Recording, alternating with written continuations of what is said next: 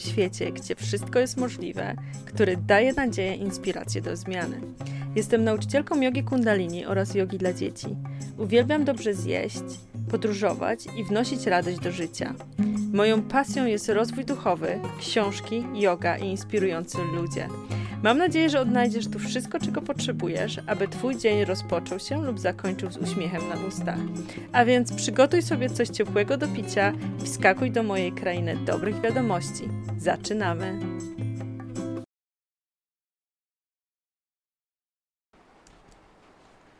Dzisiejszym gościem jest Aleksandra Jóźwik. Ola jest propagatorką świadomego życia w zgodzie z indywidualną prawdą, używając do tego systemu Human Design. Jest to niezwykle precyzyjne narzędzie, dzięki któremu odkrywamy charakter naszej własnej prawdy.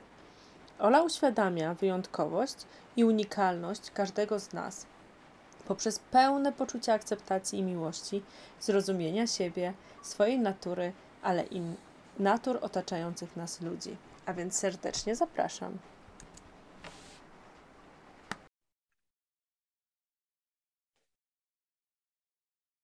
Cześć Olu, dziękuję Ci bardzo za przyjęcie zaproszenia do tego podcastu.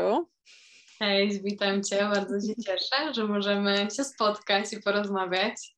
Ja również, ponieważ nie ukrywam, że Human Design zagościł w moim życiu tak, no już w sumie prawie rok, gdzieś tak troszkę, że tak powiem, e, mam do czynienia z nim, tak troszkę więcej od pół roku, więc bardzo chętnie bym posłuchała Twojej historii, jak w ogóle do tego doszło, że się zajmujesz tym human designem. E, wiem też, że zaczynałaś od jogi i medytacji, więc jeżeli byś mogła opowiedzieć właśnie, jak yoga, medytacja zmieniła Twoje życie, a później nieco o human design, to by było super. Jasne, pewnie. Z przyjemnością opowiem swoją historię. No myślę, że jest dosyć ciekawa. Mhm. E, dużo zwrotów akcji, jak to mnie wszystko toczyło, ale no jakbym tak miała to skleić w jedną całość, w jakby okres czasu, kiedy to się wszystko wydarzyło, to to jest takie 5-6 lat, e, bo ja teraz mam ile? 24 lata, a tak przełom właśnie 18-19 lat, no to to jest takie 5 lat. Zaczęła się moja przygoda, no w ogóle ze świadomym życiem tak naprawdę, jakbym to tak miała sobie włączyć e, jakby w tą definicję świadomego życia. Wiadomo, że już wcześniej te, jako dziecko też miałam takie bardzo silne przebłyski, później gdzieś tam w tym świecie się trochę zagubiłam nastoletnim mocniej. E, no i w sumie ja też pisałam jeden post taki na Instagramie, że obudziła mnie miłość e, i to było takie też piękne u mnie wydarzenie. Wtedy byłam też nastolatką i całe gdzieś tam moja droga się, jakby zmieniłam całkowicie kurs, ale takie faktyczne już poradzenie sobie z samą sobą i wejście na tą świadomą ścieżkę, no to był właśnie ten okres 18-19 lat i wtedy też pojawiła się w moim życiu właśnie yoga i medytacja. E, medytacją teraz to w sumie nazywam, wtedy tak tego nie nazywałam, to wtedy to dla mnie po prostu był czas spędzony w ciszy, w skupieniu na oddechu, ja nawet się nie zastanawiałam, co to jest, po prostu moje ciało, ja sama tego potrzebowałam, to wyszło ze mnie całkowicie naturalnie.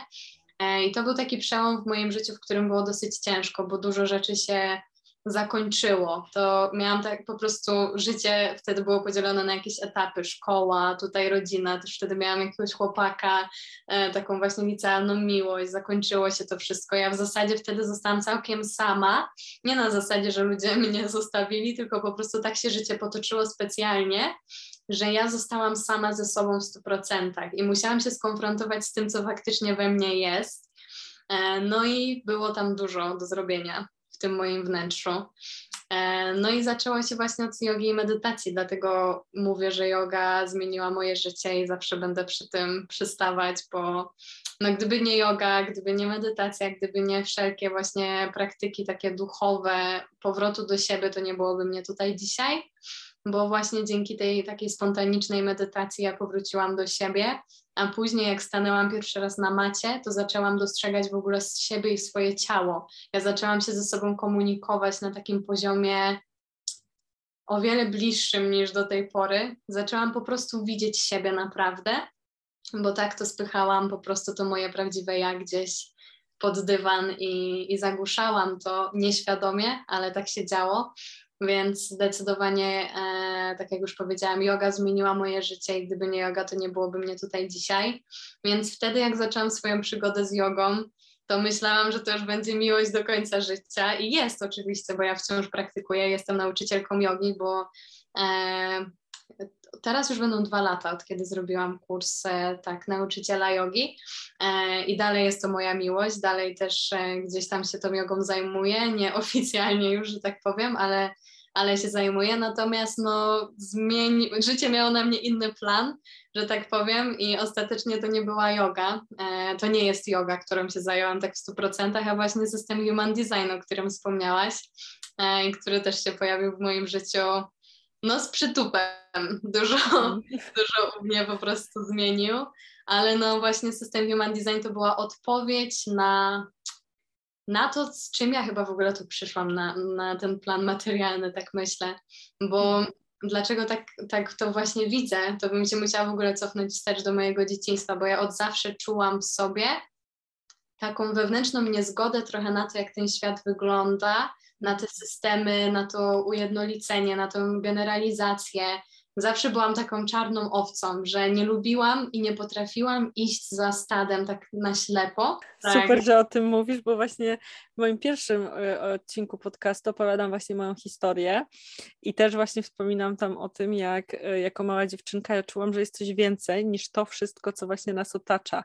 Ten Dokładnie. system, e, ta rodzina też, wiesz, że jest, jest coś więcej u nas. Oj, tak. I właśnie ja też się nie zgadzam na to, żeby dawać ludziom łatki i właśnie tak generalizować wszystko. I super, super, że o tym wspominasz, bo myślę, że to jest właśnie bardzo częste u dzieci, szczególnie, które mają naprawdę niesamowicie mhm. rozwiniętą intuicję, że one właśnie czują więcej. Dokładnie. No. Jestem w stu procentach się podpisuję pod tym, co powiedziałaś i właśnie czułam to w sobie też od zawsze. To przyklejanie łatek, taka generalizacja, to czułam, że to nas krzywdzi po prostu, że to odbiera nam niejako nasze własne prawo do bycia w 100% sobą, bo każdy z nas jest inny. I to dla mnie jest po prostu niezaprzeczalne, że każdy z nas jest inny. I teraz, jak się zastanowimy nad tym, że każdy z nas, z tych miliardów ludzi na świecie jest inny i nie ma drugiej takiej samej osoby, nawet jak są bliźniaki, to mm. każda, każdy jakby z tych bliźniąt jest inny, e, a nasz świat jest, jest, jest niejako ujednolicony i mhm. zgeneralizowany. No to teraz pytanie, pod kogo on stworzony jest, bo na pewno nie pode mnie, na pewno nie pod ciebie, no bo nie jest to dla nas, nie jest to zróżnicowane, jakby spersonalizowane pod nas. I to było coś, z czym ja się zawsze kłóciłam wewnętrznie. Też takie jako dziecko właśnie czułam już, że jest coś więcej. Pamiętam właśnie jak, e, nie wiem ile miałam wtedy lat, ale no byłam jeszcze mała, ja się wychowałam na wsi też w ogóle w naturze i kochałam to, byłam w ogóle taką samotniczką, chodziłam sobie właśnie po lesie, uciekałam z domu, ale pamiętam te wielkie pytania w mojej głowie, że w ogóle jak to jest możliwe, że my istniejemy, że takie po prostu jak na dziecko to dziwne nawet pytania takie się pojawiały, ale pamiętam to. E, no i zawsze było to poczucie, że, że każdy z nas jest inny, że każdy z nas po prostu jest całkowicie unikalną jednostką. E, no i taki moment kulminacyjny tego był właśnie, nie powiem dokładnie kiedy to było, ale ponad rok to już będzie, rok i tam kilka miesięcy właśnie, że czułam no taka się zagubiona też w tym wszystkim, w ogóle w tym świecie, że miałam takie myśli, że kurczę, czuję, że ludzie idą na ślepo, idą na ślepo w coś, co im zupełnie nie służy. Czuję, że ja sama idę na ślepo w coś, co mi zupełnie nie służy. Czuję, że nie jestem w miejscu, w którym chcę być do końca, a tak naprawdę już przeszłam długą drogę taką świadomości i byłam, no, już byłam w cudownym punkcie, że tak powiem, swojego życia, na też wysokim poziomie rozwoju samej siebie, miłości do siebie ale wciąż miałam po prostu takie, że czegoś mi brakuje, że nie wiem, jak ja mam zacząć mówić nawet o tej różnorodności, że siedziało to we mnie tak bardzo głęboko i pierwszy, przez e, dwa tygodnie zanim ja tak naprawdę styknęłam e, po raz pierwszy tak świadomie z systemem Human Design, ja się budziłam każdego ranka z taką myślą, że coś tu kurczę nie gra. Takie miałam po prostu każdego ranka przez te dwa tygodnie, budziłam się z taką myślą, że coś, jakbym, że muszę coś zrobić, że właśnie taki wewnętrzny motor do tego, że widzę, że idziemy jakby w tą ślepą uliczkę jako ludzie, że żyjemy totalnie w niezgodzie z tym, kim my jesteśmy, że ten świat tak naprawdę jest zbudowany na wartościach nie wiadomo w sumie jakich i dla kogo, bo na pewno nie dla mnie i tak jak słuchałam też innych ludzi, no to też nie dla nich i że my się dusimy w tej takiej klatce, ale nie wiemy do końca co zrobić i przede wszystkim my nie wiemy kim my tak naprawdę jesteśmy, że my wiemy, że jesteśmy inni niż wszyscy, ale co to znaczy być innym? Co to znaczy być tak naprawdę mną? Więc mhm. miałam takie silne właśnie wewnętrzne procesy. No i aż przyszedł taki moment zetknięcia już takiego świadomego z systemem Human Design, bo wcześniej były mniej świadome, e, że gdzieś tam coś się przetoczyło, zawsze takie z jogą też tak miałam na początku, że a jest yoga, dobra, ale no może to jeszcze nie był ten moment, wiemy jak to jest.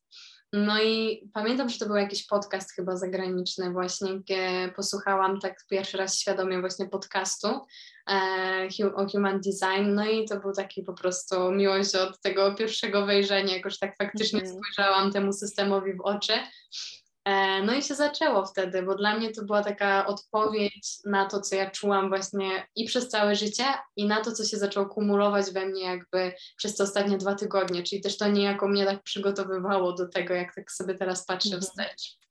Ale to jest ciekawe, że właśnie mówisz o tym, że czułaś się inna i że też właśnie osoby w Twoim otoczeniu czuły się inne. E, bo widzisz, e, ja nie wiem, jak ty sobie poradziłaś z tym, ale właśnie e, jestem troszkę starsza od ciebie, więc u mnie troszkę życie potoczyło się w inny sposób, że ja byłam bardzo sfrustrowana tym, że czuję się inna, że nie mogłam z nikim mhm. porozmawiać naokoło, dlatego że mm, miałam wrażenie, że wszyscy jakby płyną z tym prądem, są właśnie ujednoliceni, że akceptują tak. to, jak właśnie życie wygląda i tak dalej. I u mnie skończyło się na tym, że po prostu byłam tak sfrustrowana, że po prostu uciekałam właśnie w używki. Mhm. Później oczywiście pojawiła się yoga, medytacja, oczywiście samorozwój, książki, wiesz, mnóstwo cudownych osób na mojej drodze, e, które jakby też pokazały mi, że e, właśnie ten świat, który ja chcę wykreować, który ja mam w głowie, one kreują i one współtworzą ten kraj, y, ten świat, mhm. tak? tak? E, I e, więc jak ty sobie na przykład poradziłaś z tą innością? Bo też mówisz, że właśnie poszukiwałaś i też nie do końca się z tym zgadzałaś i też podejrzewam, że to musiało być bardzo frustrujące. Było, zdecydowanie. No tak jak wspomniałam na początku, ja się wychowałam na wsi, dla mnie zawsze natura była ukojeniem bardzo dużym i jako dziecko, jak e, no, zanim się wyprowadziliśmy w zasadzie do większego miasta, mówiąc większe miasto, też mam na myśli wciąż małe miasto, ale nie wieś, już miasto, mhm. ale przez pierwsze lata mojego życia mieszkałam na wsi, E, ja mam wspaniałą rodzinę w ogóle, e, w sensie moja rodzina nie jest na bardzo wysokim poziomie świadomości, że tak powiem, nie umniejszając w żadnym stopniu nikomu, bo kocham moją rodzinę właśnie za to, że my mieliśmy zawsze cudowną relację ze sobą wszyscy. E, ja się wychowałam z moim bratem, z moimi dwoma kuzynami, którzy też dla mnie są jak bracia, i my zawsze byliśmy wszyscy blisko ze sobą. To na pewno mi dużo dało. A takim czynnikiem dla mnie niesamowitym w tym wszystkim, o którym bardzo często mówię, jest moja mama, która ona była, była, jest i wiem, że zawsze będzie dla mnie osobą, która mnie rozumiała. I mimo, że do dzisiaj ona sama mi mówi, że ona czasami, jak ja coś do niej mówię, że ona nie do końca to rozumie nawet, że to jest tak bardzo trochę poza jej światem, bo my też nie żyjemy teraz razem, ale po prostu mamy, y, kochamy się, ale mamy swoje życia ale ona i tak mnie akceptuje. I tak było przez całe moje dzieciństwo, że całe moje życie, że mama po prostu kochała mnie zawsze bezwarunkowo i ona wspierała tą moją inność. Czyli miałam o tyle mhm. lepiej, gorzej, no nie chcę tak e, mówić, ale to jest coś dla mnie bardzo cennego, że ja zawsze miałam wsparcie mamy. Taty też, z tatą inna historia, bo tak no go też długo nie było w, moim okresie dzieciństwa, natomiast on też bardzo mnie kochał i zawsze mnie wspierał. E, także oboje rodziców e, miałam takich naprawdę wspierających, nieidealnych, też mieli swoje, ale pod tym kątem to wybrałam sobie idealnych rodziców, bo ja mam w ogóle bardzo silne poczucie tożsamości i kierunku. Po prostu to jest taki trzon mojej w ogóle osobowości, że ja wiem, kim jestem, wiem, po co tutaj jestem i ja nie potrafię siebie zbyt długo utrzymać w miejscu, które jest wbrew temu, kim ja jestem. I kiedyś uważałam to za swój, e, swoją słabość, tak naprawdę, mm. że się nie potrafię dostosować, tak. a teraz uważam to jako moją największą moc. No i właśnie wybrałam sobie takich rodziców, którzy we mnie to jeszcze niejako podlewali, mm -hmm. czyli mhm. oni to e, bardzo szanowali, oboje, e, i moja mama i mój tata kochali we mnie to, że ja jestem inna, e, natomiast no już wychodząc poza rodzinę, to świat zewnętrzny no nie był łatwy, tak jak ty mm -hmm. też powiedziałaś i było dużo przebojów, e, taki pierwszy, pierwszy okres życia był dosyć spokojny, później jak się zaczął okres dojrzewania dla mnie jako nastolatki, burza hormonów i tak dalej, no to też miałam taki ciężki epizod. E, nigdy tak stricte jakby same używki nie poszłam, że tak, żeby się w to nakręcić, ale miałam też taką sytuację w życiu właśnie, miałam wtedy 14 chyba lat E, jak z grupą, z grupą przyjaciółek, to był taki nasz okres buntowniczy, też wzięłyśmy jakiś tam narkotyk, no i bardzo to się źle dla nas skończyło, jakby w dużym skrócie, teraz mnie to śmieszy, ale to się wydało, że my to zrobiłyśmy, no i my mieszkałyśmy wtedy wszystkie w bardzo małym mieście i tam się po prostu roznosiły informacje tak szybko, że no z mm. prędkością światła, no i z nas się bardzo naśmiewano w ogóle po tej sytuacji, bo my tam trafiłyśmy do szpitala, wiesz, na pukanie żołądka i tak dalej, E, ale to mnie obudziło właśnie wtedy, -hmm. bo to był epizod, w którym ja przestałam też mieć taką dobrą relację z moją mamą, e, bo właśnie miałam taki okres buntowniczy i tam już nie pamiętam ile nas było dziewczyn w tej sytuacji, ale pamiętam e, okres właśnie jak my byliśmy w tym szpitalu E, kiedy byłyśmy na tym pukaniu rządka, później na tej obserwacji. No i to już zaczęło w ogóle, pis- zaczęli o tym pisać normalnie w gazetach takich gminnych, więc no, no teraz naprawdę to mnie śmieszy, ale wtedy dla 14-letniej dziewczyny, no hmm. coś takiego, no to to jest ogromna, no ogromny szok.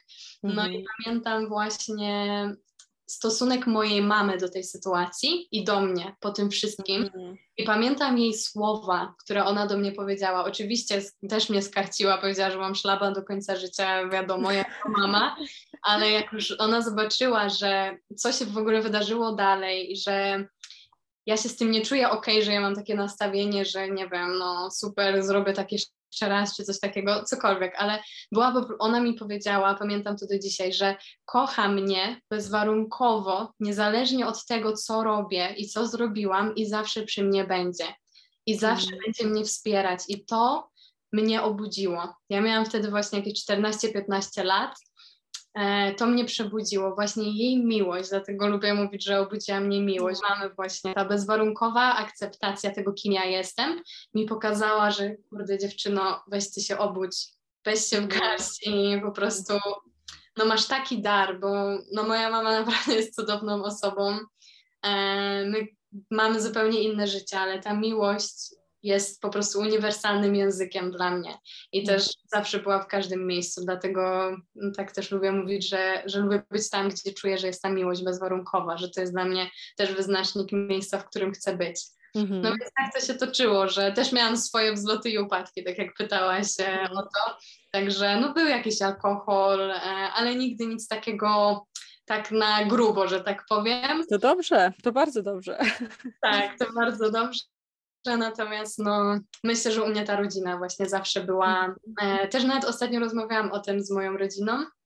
Byłam ich odwiedzić, bo też teraz nie mieszkam w tym mieście rodzinnym, e, ale rozmawialiśmy o tym, bo nawet wspominaliśmy tak, że wiele ludzi jakby z, z moich roczników, z którymi ja się też wychowywałam, chodziłam do szkoły i mojego też kuzyna, e, który jest ode mnie tylko rok młodszy i rozmawialiśmy o tym, że wiele ludzi właśnie się tak zagubiło w tym życiu, i że poszli na przykład właśnie w jakieś używki, że w ogóle się mhm. odcięli od świata. I właśnie rozmawialiśmy o tym, że u nas to się nie wydarzyło też dlatego, że my mieliśmy bardzo silną relację wszyscy ze sobą w rodzinie i ja miałam przyjaciół w rodzinie, ja miałam przyjaciół w domu, ja miałam pełną swobodę w domu do mówienia tego, co myślę, mówienia tego, co czuję I ja się nie bałam jakby w domu być sobą, także myślę, że to jest bardzo silne u mnie, bo dużo dzieci, dużo młodych ludzi ma niestety tak, że w domu nie są akceptowani i dlatego oni uciekają też z tego domu, czują, że nie mają tak naprawdę swojego miejsca, że oni nigdzie nie przynależą. A ja miałam właśnie coś takiego, że rodzina, mój dom to było miejsce, w którym ja byłam ważna, ja byłam warta, byłam potrzebna mm. i mogłam być tym, kim jestem, mogłam być sobą a na zewnątrz no, był ten świat, który niejako chciał mnie, chciał mnie gdzieś tam zgeneralizować, więc u mnie to była taka walka trochę zewnętrzna, że tak powiem. Mhm. No to ciekawe, że wspominasz o rodzinie, bo tutaj później będziemy oczywiście rozmawiać na, na temat typów e, właśnie w human design. Ja jestem dosyć mocnym typem manifestora. Ja nigdy się nie zgadzałam z tym, że ja muszę coś robić tak jak inni. I to był właśnie dla mnie ten problem, że e, no niestety jako dziecko no, musiałam chodzić do tej szkoły w określonych godzinach, tak. musiałam robić jakieś tam rzeczy i właśnie moi rodzice bardzo mocno mnie wspierali właśnie i w mojej edukacji, i w moim rozwoju. Też były momenty, kiedy narzucali mi pewne rzeczy, a ja starałam się właśnie jednak odnaleźć swoją tą, swoją ścieżkę, ale akceptowali mnie, akceptowali to, że na przykład jednego mhm. dnia wstawałam i mówiłam, dzisiaj zacznę grać w golfa, albo dzisiaj, dzisiaj zacznę tańczyć, albo wiecie co, gdzieś tam po latach stwierdziłam, że zrobię sobie kurs, taki dwuletnią szkołę weterynaryjną, czy coś takiego. Więc moi rodzice naprawdę akceptowali dużo rzeczy. E, ale właśnie wiesz co, już u mnie na przykład pogłębiło się to na studiach, tak, gdzie już po prostu tam totalnie czułam, że jest, jest tak nie należy do tego świata, że jestem na tych studiach, które, no okej, okay, wybrałam sobie dosyć takie ciekawe studia, bo bardzo dużo miałam też antropologii, właśnie społecznej, kulturowej, czyli mhm. gdzieś tam już była ta, był ten moment taki właśnie u mnie, gdzie e, bardzo chciałam e, badać, tak, badać, tak. doświadczać, szukać, więc bardzo dużo było języków też i tego typu rzeczy rzeczy, no ekonomia. I generalnie e, później trafiłam do takiej pracy, która totalnie, wiesz, 9, no, od 9 do 5 powiedzmy, która nigdy nie była od 9 do 5, bo robiłam strasznie dużo nadgodzin. Mm. i to mnie właśnie tak wprowadziło w taką depresję, gdzie po prostu nie widziałam totalnie, wiesz, jakiegoś takiego, e, wiesz, światełka w tunelu dopiero taki moment, pamiętam, taki przełomowy miałam, gdzie powiedziałam basta, koniec i po prostu wiesz, totalnie odeszłam z pracy, wyjechałam właśnie do innego kraju, zaczęłam żyć totalnie inaczej ale to gdzieś tam dopiero po latach, tak? A w dzieciństwie, mimo że czułam tą akceptację rodziców, bo też właśnie kocham moich rodziców i mamy niesamowite wsparcie i naprawdę, tak jak mówisz, ta więź i to, że jesteśmy tacy, wiesz, blis blisko i możemy nawet po latach, ja właśnie im opowiadam bardzo dużo rzeczy z mojego życia i mamy wspaniały kontakt, to gdzieś tam to jako taka mała dziewczynka czułam, że ja jestem inna. Nie zamiast jakby patrzeć do wewnątrz, że ja jestem inna i coś jest ze mną nie tak, Mhm. to ja poszłam w tym kierunku, bo ty poszłaś jakby w kierunku na zasadzie, że okej, okay, jestem akceptowana i wszystko jest okej, okay, ale nie e, czuję, że ten świat jest inny, mhm. więc go zmieńmy, a ja dopiero teraz jakby czuję, że okej, okay, mogę zmienić ten świat, bo ja już akceptuję siebie i tutaj bardzo dużo takich tematów miłości własnej, tak, więc tak, właśnie tak. wewnętrzne dziecko to też bardzo mocno właśnie przepracowywałam, bo tak naprawdę sama sobie zrobiłam krzywdę, wiesz. Ja też się pod tym podpisuję, bo jak najbardziej to, co ty powiedziałaś o tym, że no poszłam jakby, że we, miałam w rodzinie, w tym moim środowisku najbliższym akceptację i że na zewnątrz jakby zobaczyłam, że ten świat nie funkcjonuje tak, jak powinien, to też to było, natomiast e, to jest tak, że no byłam też trochę chyba za młoda jeszcze wtedy, żeby na to patrzeć z tej perspektywy, aż tak jak patrzę na to teraz, ja też bardzo dużo się doszukiwałam w sobie, że tak jak Ci mhm. powiedziałam na początku, że ja myślałam, że coś jest ze mną nie tak, że ja się nie umiem tak dostosować. Mhm. Nie, we, wszedł, jakby w kwestii samoakceptacji był jeszcze jeden bardzo silny czynnik, który był właśnie w okresie mojego dojrzewania, przez co ja też wiele, wiele lat musiałam, no wiele tak pod, dopowiedziałam sobie, no, mhm. no Wiesz o co chodzi? Też nie jestem jakaś stara, ale no po prostu musiałam przez długi czas e, z tego wychodzić właśnie e, w tym, co powiedziałaś o tej miłości własnej, bo ja to tak przynajmniej odbieram, że w okresie mojego dojrzewania bardzo był wtedy, przynajmniej w moim środowisku, kanonem piękna były takie bardzo szczupłe dziewczyny. A ja mhm. zawsze miałam taką figurę pełniejszą, że miałam zawsze biodra po prostu nie, że byłam gruba czy coś w tym stylu, nie chodziło o to, że miałam jakieś problemy z nadwagą, o to mi chodzi, że było to niezdrowe, tylko po prostu miałam inne kształty. Mm. E, mhm. I ja strasznie w siebie uderzałam e, przez to właśnie w tym okresie dojrzewania i bardzo to zaburzyło moje poczucie własnej wartości. E, przy, do tego stopnia, że właśnie też przeszłam przez takie problemy z odżywianiem, miałam zaburzenia odżywiania. E, najmniej w swoim życiu ważyłam właśnie wtedy chyba jakieś 42 kilo. Wow, ojej, przykro mi strasznie. Tak, no natomiast też miałam w sobie taki pierwiastek wojowniczki i jak mama mnie wzięła właśnie do dietetyczki i ta dietetyczka, no w ogóle wszyscy mi zaczęli wtedy mówić, że ja się muszę zacząć leczyć, bo mam anoreksję a ja nie chciałam też sobie dać tego wmówić, bo wiedziałam, że nie mam, bo to jest bardzo też poważna choroba e, mhm. i no do dzisiaj wiem, że nie była to stricte anoreksja, że to było coś zupełnie innego, e, ale po prostu jak zaczęli mi wszyscy tak mówić, to ja wtedy się zorientowałam, że coś jest faktycznie nie tak, bo to był okres, w którym ja po pierwsze no nie akceptowałam swojego ciała, a po drugie było, chciałam dużo jakby chciałam od życia czegoś więcej i byłam wtedy bardzo taka ambitna i przelewałam tą ambicję, że jak ja zacznę siebie zajeżdżać niejako, że jak mhm. zacznę mieć w, w ogóle na każdej płaszczyźnie życia zacznę odnosić sukcesy, to że wtedy osiągnę coś więcej, wtedy tak to utożsamiałam. No teraz wiem, że zupełnie nie, nie w tym rzecz, ale wtedy tak na to patrzyłam i przekroczyłam swoje granice bardzo mocno. No i jak ludzie zaczęli wokół to zauważyć, no to ja też się obudziłam. No i wtedy mhm. wróciłam e, jakby zaczęłam wracać stopniowo też do tej swojej wagi, do tej równowagi ogólnie, mm. ale później też lata jeszcze budowanie zdrowej relacji z jedzeniem. To tak naprawdę powiem Ci szczerze, że myślę, że prawdziwie zdrową relację z jedzeniem mam może od niecałych dwóch lat, taką naprawdę mm. zdrową, że po prostu ja nie myślę o tym jedzeniu. Dla mnie ono jest po prostu jakby narzędziem też, które ma odżywić moje ciało, ale no nie chcę jakby wchodzić też aż tak mocno w te tematy, ale po prostu u mnie na, tym, na tej płaszczyźnie relacji z jedzeniem też się dużo wydarzyło, relacji w ogóle ze swoim ciałem, e, także też to była e, ta lekcja silnie e, związana z samoakceptacją, przerobiona u mnie, tak jak ty powiedziałaś, tylko może gdzieś tam z innej strony, ale mhm. no praca z właśnie z tym wewnętrznym dzieckiem tak samo, bo no miałam kochającą rodzinę, e, ale nie idealną, tak jak powiedziałam. Mój tato e, bardzo mnie kochał, ale też miał swoje, że tak powiem. I jak ja mhm. byłam dzieckiem, e, to go bardzo dużo nie było u nas. Po prostu nie było go w momencie, w którym ja go najbardziej potrzebowałam, bo prowadził też własne biznesy, wyjeżdżał.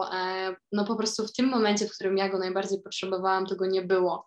Ja przez długi czas miałam też syndrom jakby takiego porzucenia przez ojca, że ja się mm czułam porzucona, mimo tego, że on był, ale ja się czułam porzucona i to też była silna praca w ogóle u mnie, relacje z tatą, także dużo się działo, dużo, no mm -hmm. można było tym nagrać pewnie kilka podcastów, ale... Ale ciekawe, że właśnie mówisz o, e, o zaburzeniach e, właśnie odżywiania, bo e, myślę, że to dotyka kobiet i w właśnie nastolatek bardzo często, bo o tym się głównie mówi, ale też bardzo często dotyka to kobiet e, starszych wiesz, które są, które właśnie są tak jakby, wiesz, odnoszą sukces i tak dalej, ale gdzieś tam są nieszczęśliwe, właśnie sfrustrowane i właśnie zaczynają od tego, że o, jak będę ważyć tyle i tyle, no to wtedy będzie okej.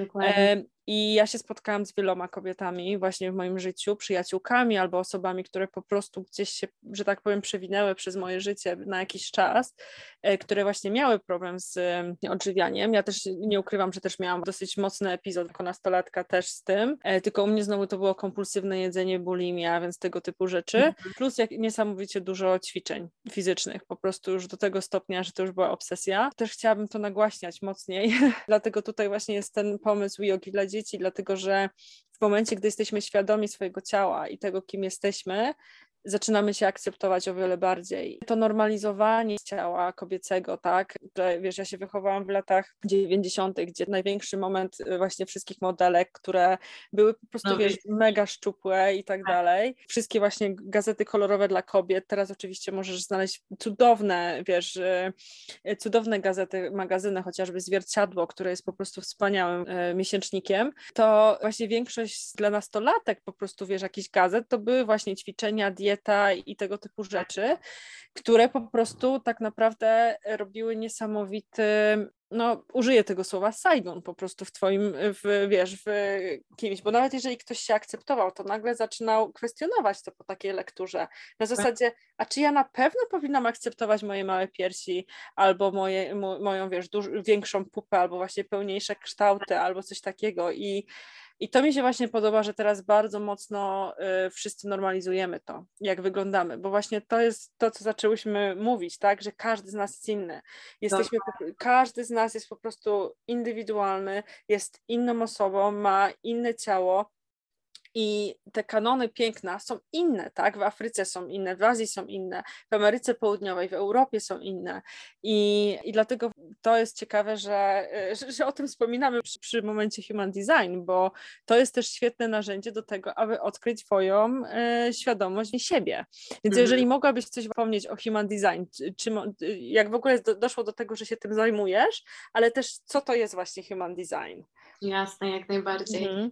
No, tak jak wprowadziłaś doskonale tutaj tą różnorodność właśnie, no o tym w ogóle jest human design tak naprawdę, to jest nauka o zróżnicowaniu, e, tak, e, tak się o human design też mówi, czyli to jest narzędzie, bo ja też zawsze kładę nacisk na to, że human design to jest narzędzie, to nie jest żadna filozofia, religia, cokolwiek innego.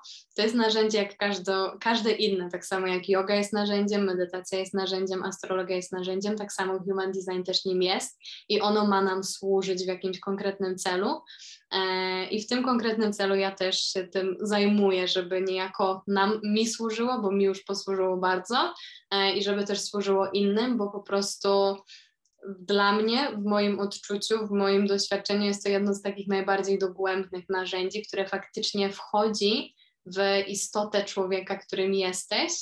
E, I tym mnie urzekło, myślę, to narzędzie. Tym mnie urzekł właśnie system Human Design, e, tą swoją przenikliwością, tą e, taką, no w ogóle aspektem tego, jak to jest z nami faktycznie tożsame. Ja się zachwycam każdego dnia po prostu tym, jak analizuję, e, bardzo często wracam też do swojej analizy, czy do moich bliskich i jak odkrywam te kolejne jakby zawiłości tej natury, tej mechaniki osobistej, to jest dla mnie coś niesamowitego i mnie to fascynuje, no dlatego też się tym zajmuję i nie wiem, nie potrafię znaleźć e, odpowiedzi na to, dlaczego na przykład nie astrologia. Astrologia też mnie e, fascynuje jakby sama w sobie, e, natomiast no po prostu miał być to human design i jest. I, i tak to się zaczęło, że tak jak już powiedziałam, że to był taki miłość od pierwszego wejrzenia, jak już zobaczyłam o co w tym wszystkim chodzi.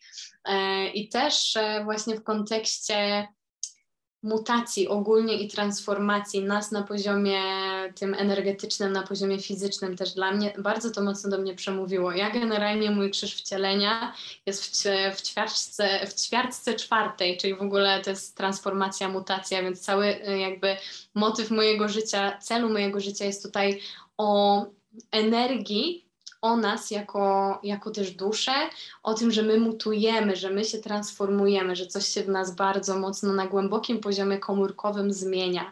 I ja zawsze miałam w sobie takie przekonanie, że człowiek, który żył powiedzmy 100 lat temu, czy nawet 50, jest zupełnie in, był zupełnie inny niż to, kim my jesteśmy tu i teraz, bo zawsze miałam to właśnie poczucie, że my się zmieniamy, że my się zmieniamy bardzo mocno na tym poziomie komórkowym, na poziomie naszej energii i o tym też mówi e, Human Design sam w sobie jako system. Myślę, że dlatego też mnie to tak bardzo urzekło, o tej właśnie mutacji, o dekondycjonowaniu, czyli ściąganiu uwarunkowań, ale nie na płaszczyźnie świadomej, tylko na płaszczyźnie całkowicie podświadomej.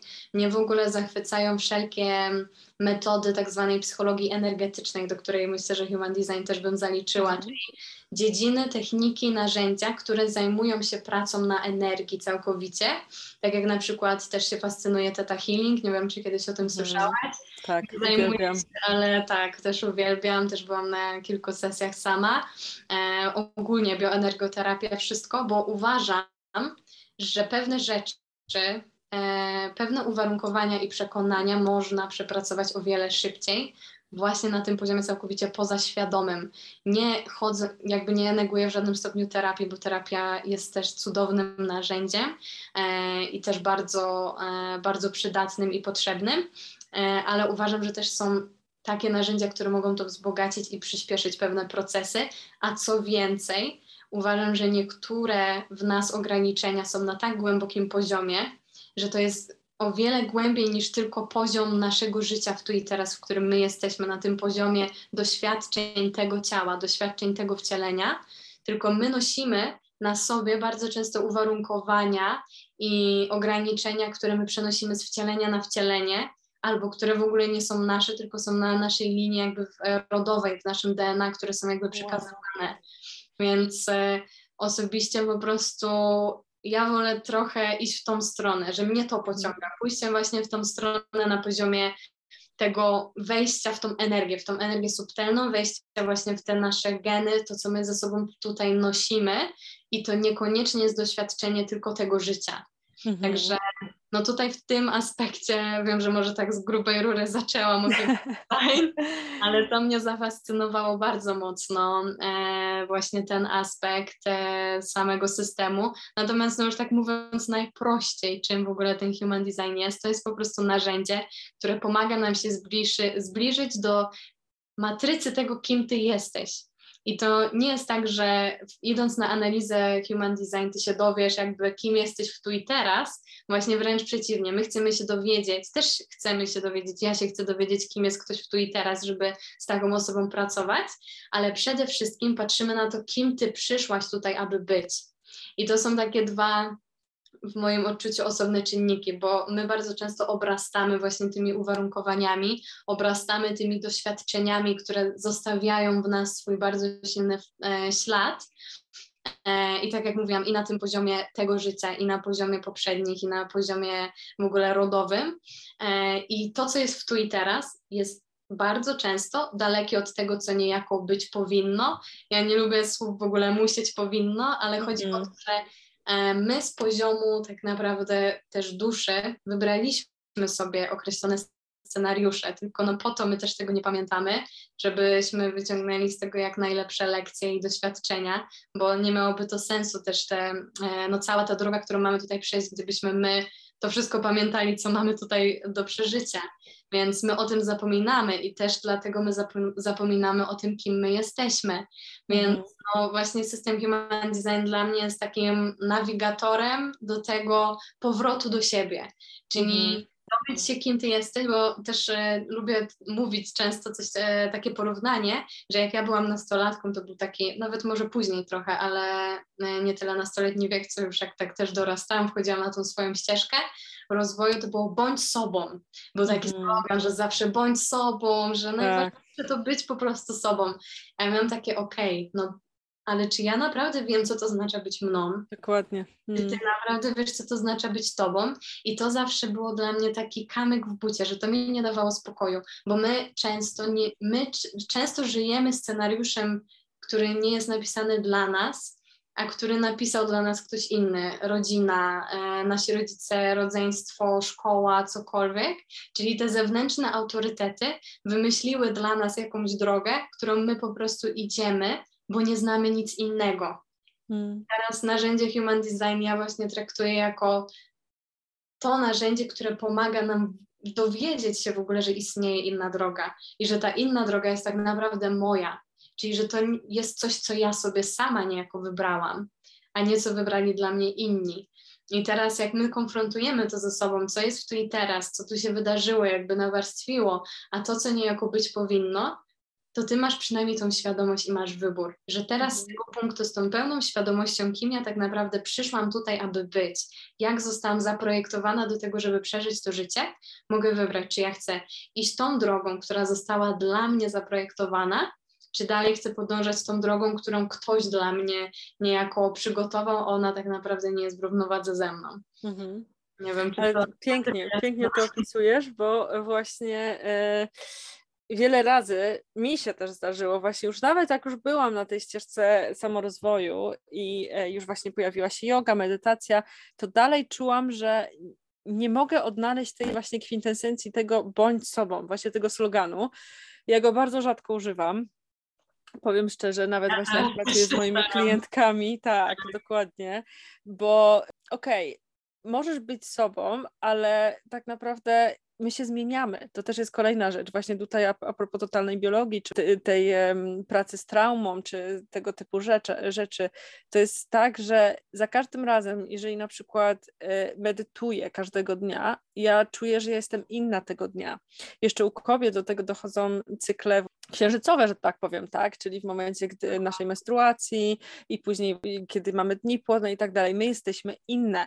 I to jest właśnie ciekawe, bo y, no, ja akurat odnalazłam to swoje, bądź sobą, tak jakby tą ścieżkę, którą gdzieś tam podążam, poprzez medytację, jogę kundalini i też mnóstwo pracy ze sobą, traumami, e, uwalnianie traum, Theta Healing też, taką cudowną, cudowną terapeutkę, z którą właśnie robimy Theta Healing i jest naprawdę wspaniała, ale właśnie human design pokazał mi, po co ja tu tak naprawdę jestem, bo szczerze, ja się wzbraniałam przed tym. Ja się mhm. bardzo wzbraniałam przed moją ścieżką życiową i tego właśnie, co ja chcę osiągnąć i co ja chcę zrobić, dlatego że mnie to przytłoczyło. I to tak mówię od razu. I teraz tak właśnie płynnie też przejdę, żeby cię dlaczego właśnie chcę też, chcę też opowiedzieć o tym, dlaczego mnie to przytłoczyło, ale właśnie płynnie przejdę, żeby ci, y, chcę ci zadać pytanie, e, jeżeli możesz opisać właśnie human design ze względu na typy mhm. osobowościowe i e, co jakby, tak jakby pokrótce też mniej więcej jaki typ jest e, jakby za co odpowiedzialny, co jest jego funkcją, e, mhm. bo to jest niezwykle interesujące i właśnie dlatego mnie, ze względu na to, że jestem manifestorem, to mnie właśnie bardzo przytłoczyło i, nie i wyparłam to tak naprawdę, mhm. nie? Tak, tak. No, tak jak rozmawialiśmy jeszcze zanim zaczęliśmy nagrywać, że właśnie u manifestorów często jest ten syndrom wyparcia też częściej się pojawia niż u innych typów, no bo manifestor to jest właśnie jeden z czterech typów Human Design. Mamy cztery typy i jeden podtyp, bo manifestujący generator e, to jest podtyp generatora. Także takie główne typy to jest właśnie manifestor, projektor, generator i reflektor. No i pomiędzy tym e, właśnie jest ten manifestujący generator. No i tak jak powiedziałaś, manifestor, to dlaczego Ciebie to przytłoczyło? No właśnie przypuszczam, że też o tym rozmawiałyśmy, że to, że manifestor jest tutaj po to, żeby zaczynać niejako ten cały proces, czyli mhm. manifestor to e, Ty jako manifestorka jesteś osobą, która ma zasiewać te ziarna, których plony później my wszyscy kolektywnie też zbieramy, czyli po prostu zaczynać całkowicie coś z niczego, inicjować, e, wnosić e, całkowitą właśnie innowację, nowość, realizować coś, co jest totalnie przełomowe, wprowadzać właśnie w kolektyw idee, wprowadzać projekty, które są czymś przełomowym. E, I to już samo w sobie brzmi tak bardzo. Dokładnie, dokładnie. Uwierz mi, tak, uwierz mi, jak ja to usłyszałam właśnie na mojej analizie, że Ilona, ty jesteś inic, no bo to też jakby na polski, że jakby przetłumaczamy, to też jest inicjator, tak? Tak, tak? I właśnie, że ty masz inicjować, ty masz robić to i tamto, ja mam tak, ale jak to? Wiesz, w ogóle o co chodzi, nie? I teraz na przykład z perspektywy czasu, jak już sobie posiedziałam z tym i oczywiście to też dało mi ogromnego kopa do tego, żeby po pierwsze stworzyć ten podcast, który mm. właśnie jest taką krainą dobrych wiadomości, który pokazuje, że możemy właśnie inaczej żyć i właśnie ja tworzę swój, ten swój świat, o którym wspominaliśmy rozmawialiśmy, że i, tak. o którym ty wspomniałaś i ja też, że właśnie chcemy żyć w innym świecie, takim właśnie dobrych wiadomości i że mhm. każdy jest zróżnicowany i akceptujemy siebie i rozmawiamy o tym. Ale druga sprawa to jest też właśnie yoga dla dzieci, którą szerzę bardzo mocno e, i uważam, że ona naprawdę jest w stanie zmienić świat. E, I pamiętam, że właśnie pierwszy raz, kiedy usłyszałam e, słowa Dalajnamy, tak naprawdę, mhm. taki cytat, że gdyby każdy ośmiolatek nauczył się medytacji, to pozbylibyśmy się wojen, konfliktów i w ogóle, wiesz, e, wszelkich takich niedogodności w przeciągu jednej generacji, tak? I jak ja to po prostu usłyszałam, ja do tej pory mam ciarki, naprawdę, za każdym razem jak słyszę ten tekst, bo to mnie tak uderzyło i to wtedy było wow, czyli to ja mam zrobić, wiesz, nie? ale y, oczywiście wiesz, to, to się toczy, e, ale ogólnie e, wiesz, ktoś może powiedzieć, że to jest utopia, że wiesz, że żyjemy w takim świecie i tak dalej, ale ja w to naprawdę ogromnie wierzę, bo widzę, jakie są zmiany u dzieci w momencie, gdy prowadzę z nimi zajęcia i, i wiem, że to jest po prostu coś wspaniałego. E, I tak właśnie jako, dlatego wszyscy manifestorzy, jeżeli słuchacie tego albo się dowiecie później, że jesteście manifestorami, to jesteście tutaj po to, żeby właśnie inicjować i żeby właśnie rozszerzać nowość i żeby właśnie to ziarenko zasadzić. No. Dodam od siebie e, coś, co mi też teraz przyszło i myślę, że to może być dla manifestorów bardzo pomocne, że jak to ugryźć, żeby to powiedzieć dobrze, to co właśnie czuję, że po pierwsze my też, e, to o czym zaczęliśmy rozmawiać, że manifestorzy e, którzy słyszą te słowa o tym, kim oni są tutaj, aby być niejako, to my mamy na sobie ogólnie już jako społeczeństwo bardzo silną presję, mhm. bo tak naprawdę nas wszystkich się niejako, no może nie wszystkich, bo to znowu generalizacja, mhm. ale społecznie jest taka trochę presja, żebyśmy my byli niejako też tymi manifestorami, czyli że bardziej się chce, żebyśmy my byli sprawczy, żebyśmy my inicjowali, żebyśmy byli tacy po prostu szli jak w mur i tak dalej, i tak dalej.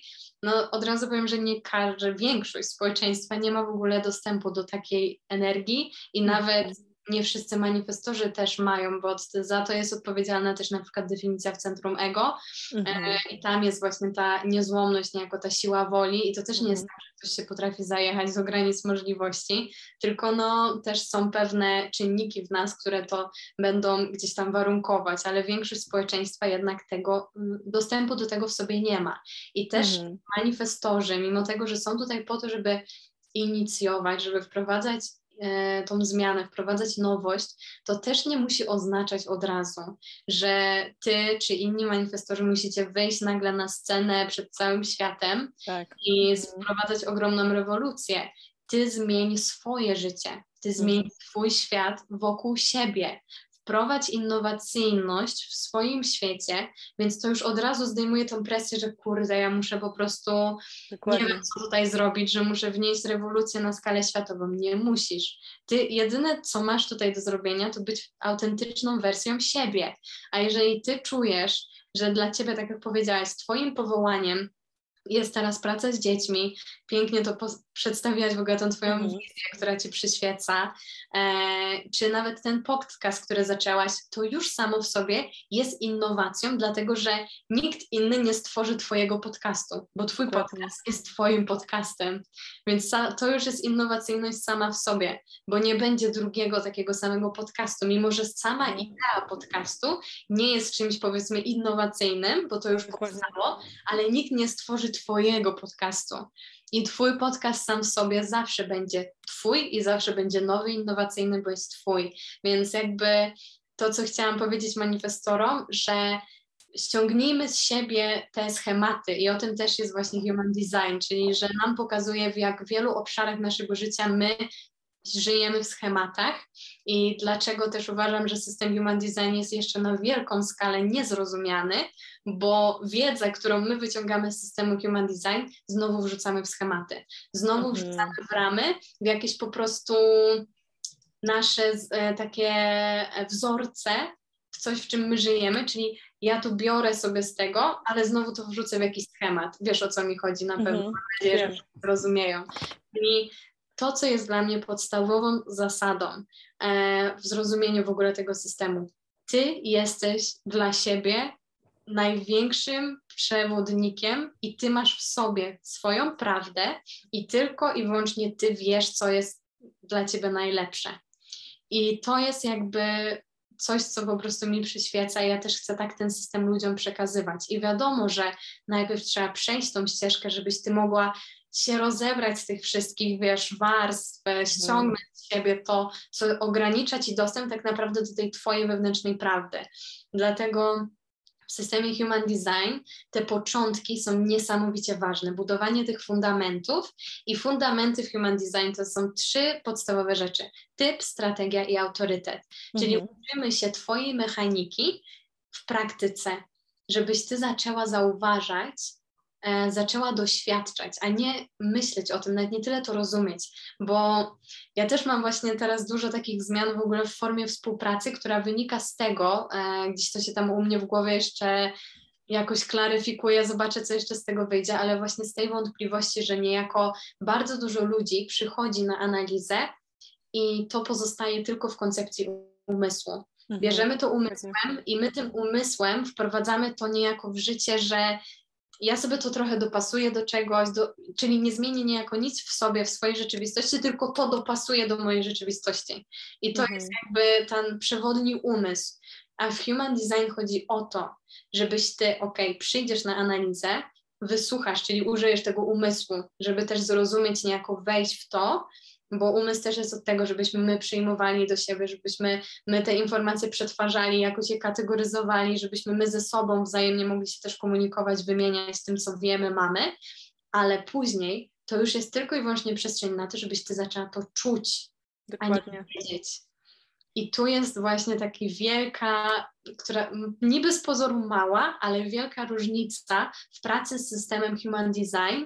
I ja jej doświadczyłam sama na sobie, bo też wiem, jak to jest, że jak zaczęłam e, życie jakby z systemem Human Design, to najpierw to było dużo umysłu, to było bardzo dużo zrozumienia. I ja miałam takie, kurde, w sumie nie podoba mi się, że jestem tą generatorką, a w sumie mogłabym być jednak tą projektorką albo reflektorką, albo już nawet manifestor byłby lepszy, taki umysł po prostu podpowiada, a w sumie ten profil, no, mogłoby być lepiej i takie, że po prostu ten umysł sobie to bierze jakby pod swoje stare schematy, pod mhm. swoje stare wzorce.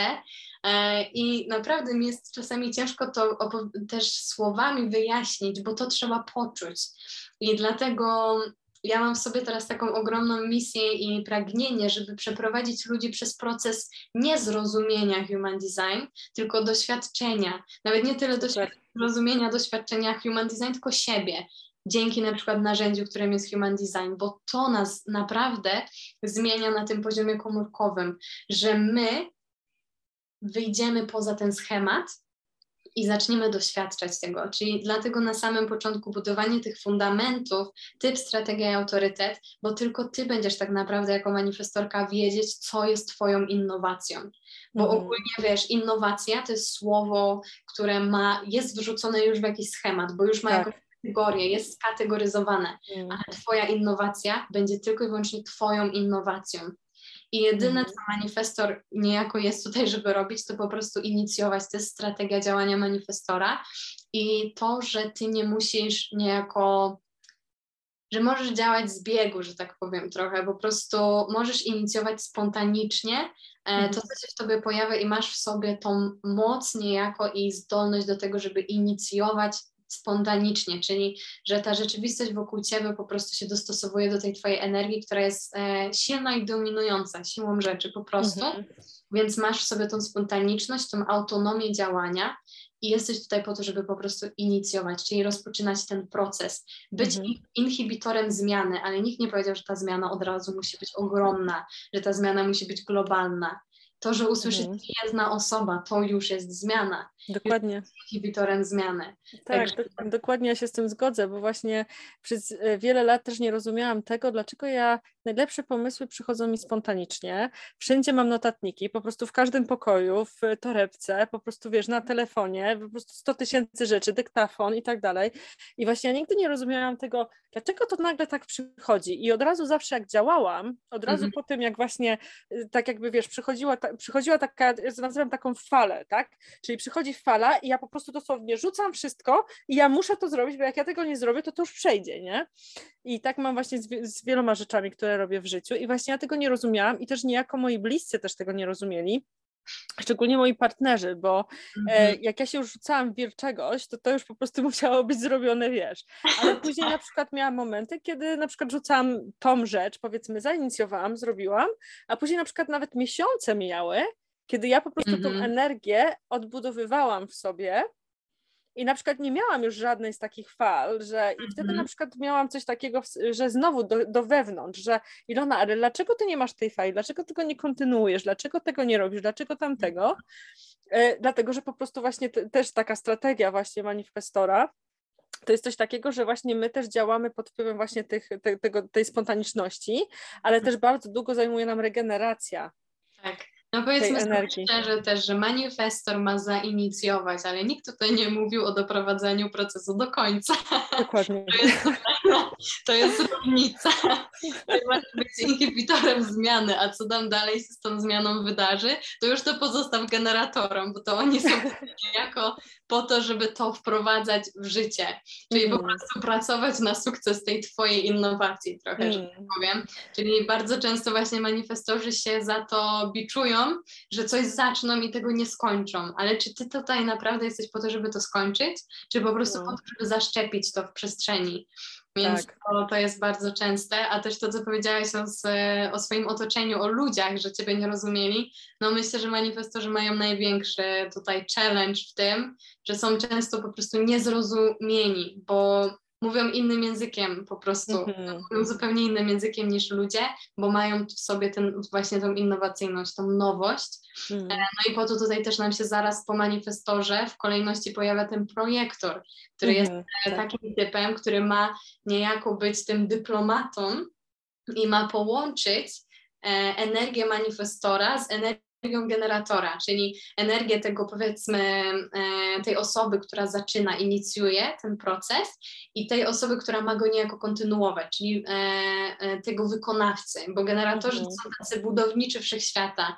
My tutaj mhm. wiemy, bo ja jestem generatorką, jesteśmy tutaj po to, żeby ten świat po prostu no, od podstaw coś zbudować, ale to jest tak, że mamy projekt, na przykład e, tak jak jest budowa e, jakiegoś nowego, nowa inwestycja, no to ktoś, e, jest architekt, który wymyślił ten projekt mhm. i teraz są niejako ludzie, którzy te, ten budynek zrobią, czyli go zbudują i trochę taki podział. No i teraz pomiędzy właśnie tym manifestorem i generatorem jest projektor, czyli osoba, która no bardzo mocno przenika w ogóle naturę innych ludzi. Mhm. Jest takim, e, no, e, taką osobą, takim pośrednikiem, pomostem pomiędzy językiem manifestora a językiem generatora, zrozumieniem niejako tych też dwóch barykad, ale w ogóle aura projektorów jest bardzo skupiona na tożsamości, na drugiej osobie bardzo mocno. Czyli tak jak, mm. Tak jak na przykład generatorzy mają bardzo otwartą aurę, czyli kontaktują się cały czas z otoczeniem, po prostu to jest ciągła wymiana, jak takie pulsujące, żywe serce, to tak e, projektorzy na przykład, oni się najlepiej czują w, w pracy jeden na jeden, po prostu w kontakcie jeden na mhm. jeden z człowiekiem, bo oni mają skoncentrowaną uwagę na tobie w 100% w tu i teraz. E, mhm. E, dlatego to też są właśnie liderzy, to, taki coache, e, mhm. więc jakby to zrobić taką organizację z tego, to manifestor jest właśnie tym szefem, szefową, która po prostu daje pomysł, nowość, zaczynamy. E, projektor jest tym takim liderem, mentorem, który ma, który rozumie ideę szefa i teraz mają niejako przekazać tą ideę i zmotywować e, swoich e, generatorów, którzy są tutaj po to, żeby to wykonać, zrealizować, bo projektor też ma empiryczną wiedzę dotyczącą energii, wykorzystania energii. Projektorzy są tutaj też po to, żeby nam mówić, jak najbardziej efektywnie wykorzystać naszą energię. E, tak to jest też właśnie piękne, że uczą nas tej efektywności, czyli mhm. zawsze lepiej, e, więcej znaczy lepiej e, i bardziej coś takiego, że pracuj mądrze, a nie ciężko, wiesz, takie, takie mhm. jakości, bo generator przez to, że my mamy to podłączenie do tego sakralu, czyli do tej po prostu najsilniejszej energii motorycznej, to po prostu bardzo często ją wytracamy w, no, w taki sposób no nieefektywny najzwyczajniej, mhm. a można to zrobić lepiej. No, a ja właśnie jako manifestor też nie mam do, dostępu do tego. Ja mam właśnie bardzo tak. silne gardło mm -hmm. i to jest też ciekawe. Tak, ale to jest też bardzo ciekawe, bo ja przez lata nie lubiłam mojego głosu. Mm -hmm. Ja w mhm. ogóle uwielbiałam zawsze mówić, ale bardzo często chorowałam na moje gardło. I też właśnie mam bardzo, bardzo mocne centrum właśnie tutaj, ja to nazywam trzecią czakrą, ale wiem, że ono jest rozdzielone e, i to też właśnie mam bardzo mocne i to jest właśnie ta energia tego działania, wiesz, mhm. ten wystrzał, że tak powiem, później idzie gardło, że ja muszę o tym powiedzieć, czyli właśnie ta tak. strategia informowania i tak dalej i też właśnie za, zainicjowania, e, no ale właśnie tutaj już brakuje tego działania, tak, że właśnie też ja bardzo często przez całe praktycznie moje życie e, pracowałam jako generator. I dlatego ja byłam też nieszczęśliwa, bo po prostu pracowałam za dużo, robiłam coś, czego nie lubiłam, co niby gdzieś tam starałam się widzieć większy obszar, właśnie większe jakby takie, e, takie, takie jakby spektrum spektrum tego, co robię, tak, czy też właśnie w pracy zawodowej i też w życiu prywatnym, ale czułam, że się wypalam po prostu, nie? I to też właśnie spowodowało, że inaczej patrzę na siebie i mówię, wow, okej, okay, ja rozumiem siebie, ja rozumiem, że potrzebuję, mam dni, kiedy naprawdę potrzebuję odpocząć, właśnie spotkania z naturą jest, są bardzo ważne dla mnie od dziecka, i też właśnie bycie w swojej przestrzeni, tak? Ja też to tak troszkę nazywam, bo nie wiem, czy mogłabyś też to wytłumaczyć, bo ja też bardzo często czułam się niezrozumiana, ale też bardzo często czułam się wręcz samotna, że tak powiem, w takim tłumie. I nie wiem, czy to też jest taka cecha manifestorów? Zdecydowanie. Mhm. Jest to no, silna cecha właśnie manifestorów, no bo no to też jest to samo, co mówiłyśmy. Są niezro... Manifestor bardzo często jest po prostu niezrozumiany, bo wprowadza mhm. zupełnie inną perspektywę na rzeczywistość. Mhm. Także to jak najbardziej też może się pojawiać, że no, nawet przez najbliższe osoby, a właśnie szczególnie manifestorzy często nie są mhm. rozumiani przez najbliższe osoby, zwłaszcza jeżeli w gronie tych najbliższych osób nie ma drugiego manifestora, tylko powiedzmy są generatorzy, mhm. bo Twój sposób działania dla ludzi jest zbyt szybki i zbyt, e, jak to powiedzieć, taki szokujący. Mhm. Nagle coś się dzieje. I mhm. To jest tak, że, nikt, że ktoś się tego nie spodziewa. I dla ludzi to jest taki, wiesz, grunt pod nogami im się po prostu zabiera. Niby jest super, super i nagle coś się dzieje, coś totalnie niespodziewanego, coś szokującego, coś, co wykracza poza w ogóle pojmowanie i nie wiadomo, co się właśnie wydarzyło. Mhm. To jest takie... No, mój, mój partner jest e, manifestorem, e, nie, przepraszam, generatorem manifestującym, chyba tak się to nazywa, tak? Tak. Dokładnie. I on, e, I on się już przyzwyczaił trochę do tego, no.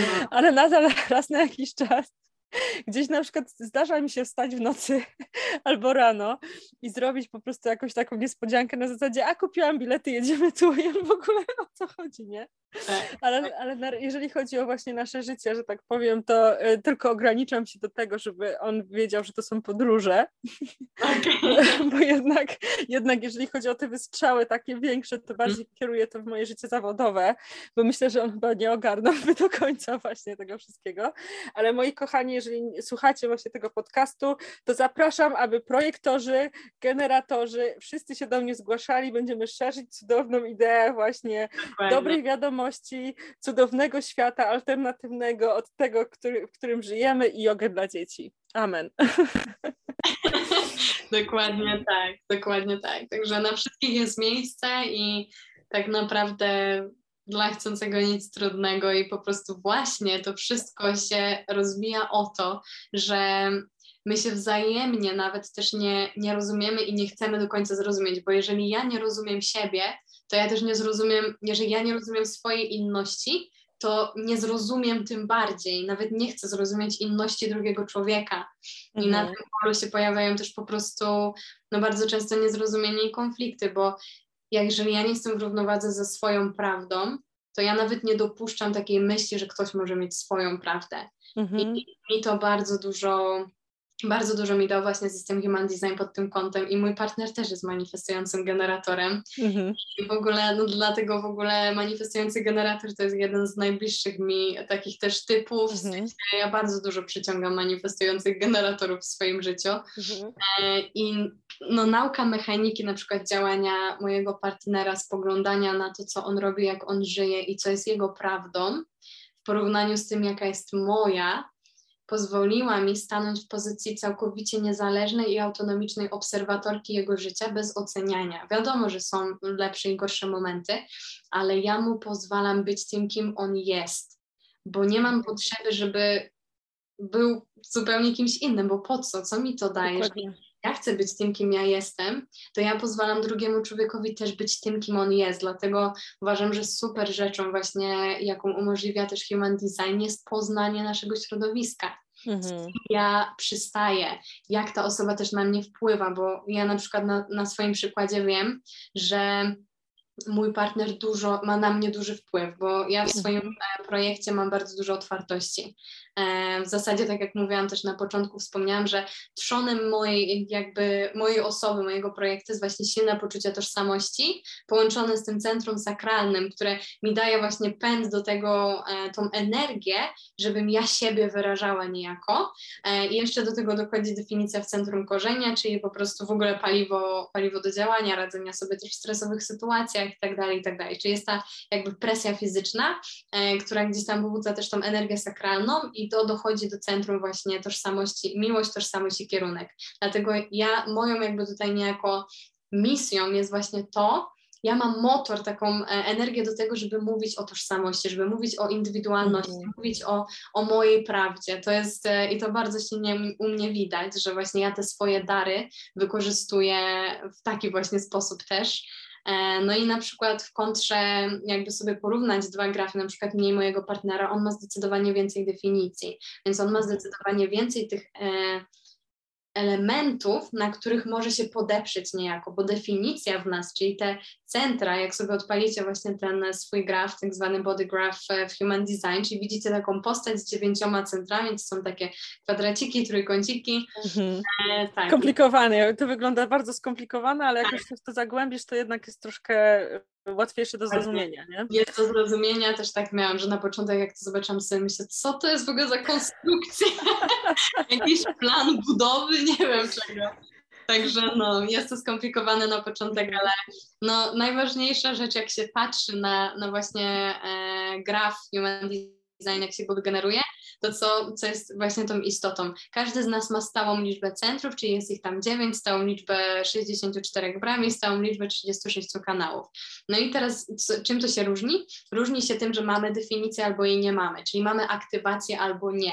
I tak jak ja powiedziałam o tych trzech centrach, które u mnie są zdefiniowane, to one po prostu na tym grafie są zakolorowane.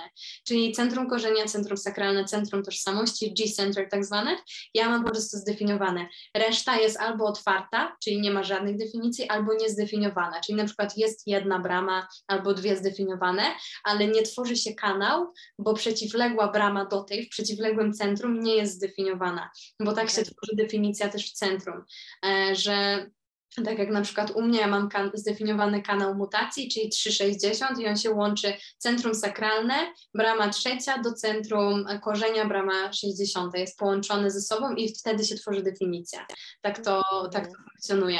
Więc e, na tym to polega i teraz to, co jest w, nas, w naszym grafie niejako zdefiniowane, to to są te nasze te mocne strony, te nasze dary, e, nie chcę tutaj mówić, że coś jest mocniejsze, słabsze, tylko chodzi o to, że to jest nasza stałość. To jest nasza unikal, nasz unikalny sposób ekspresji danej jakości energetycznej, o której mówi to centrum, że on jest niejako stały i niezmienny. On też może podlegać modyfikacjom, bo często zewnętrzne wpływy środowiska są tak silne, że nawet w tych obszarach, gdzie my mamy definicję, możemy ulegać warunkowaniom. Zdarza się to rzadziej, jednak też się zdarza. Najczęściej właśnie jest to centrum e, też gardła, właśnie jest to też centrum ego, serca.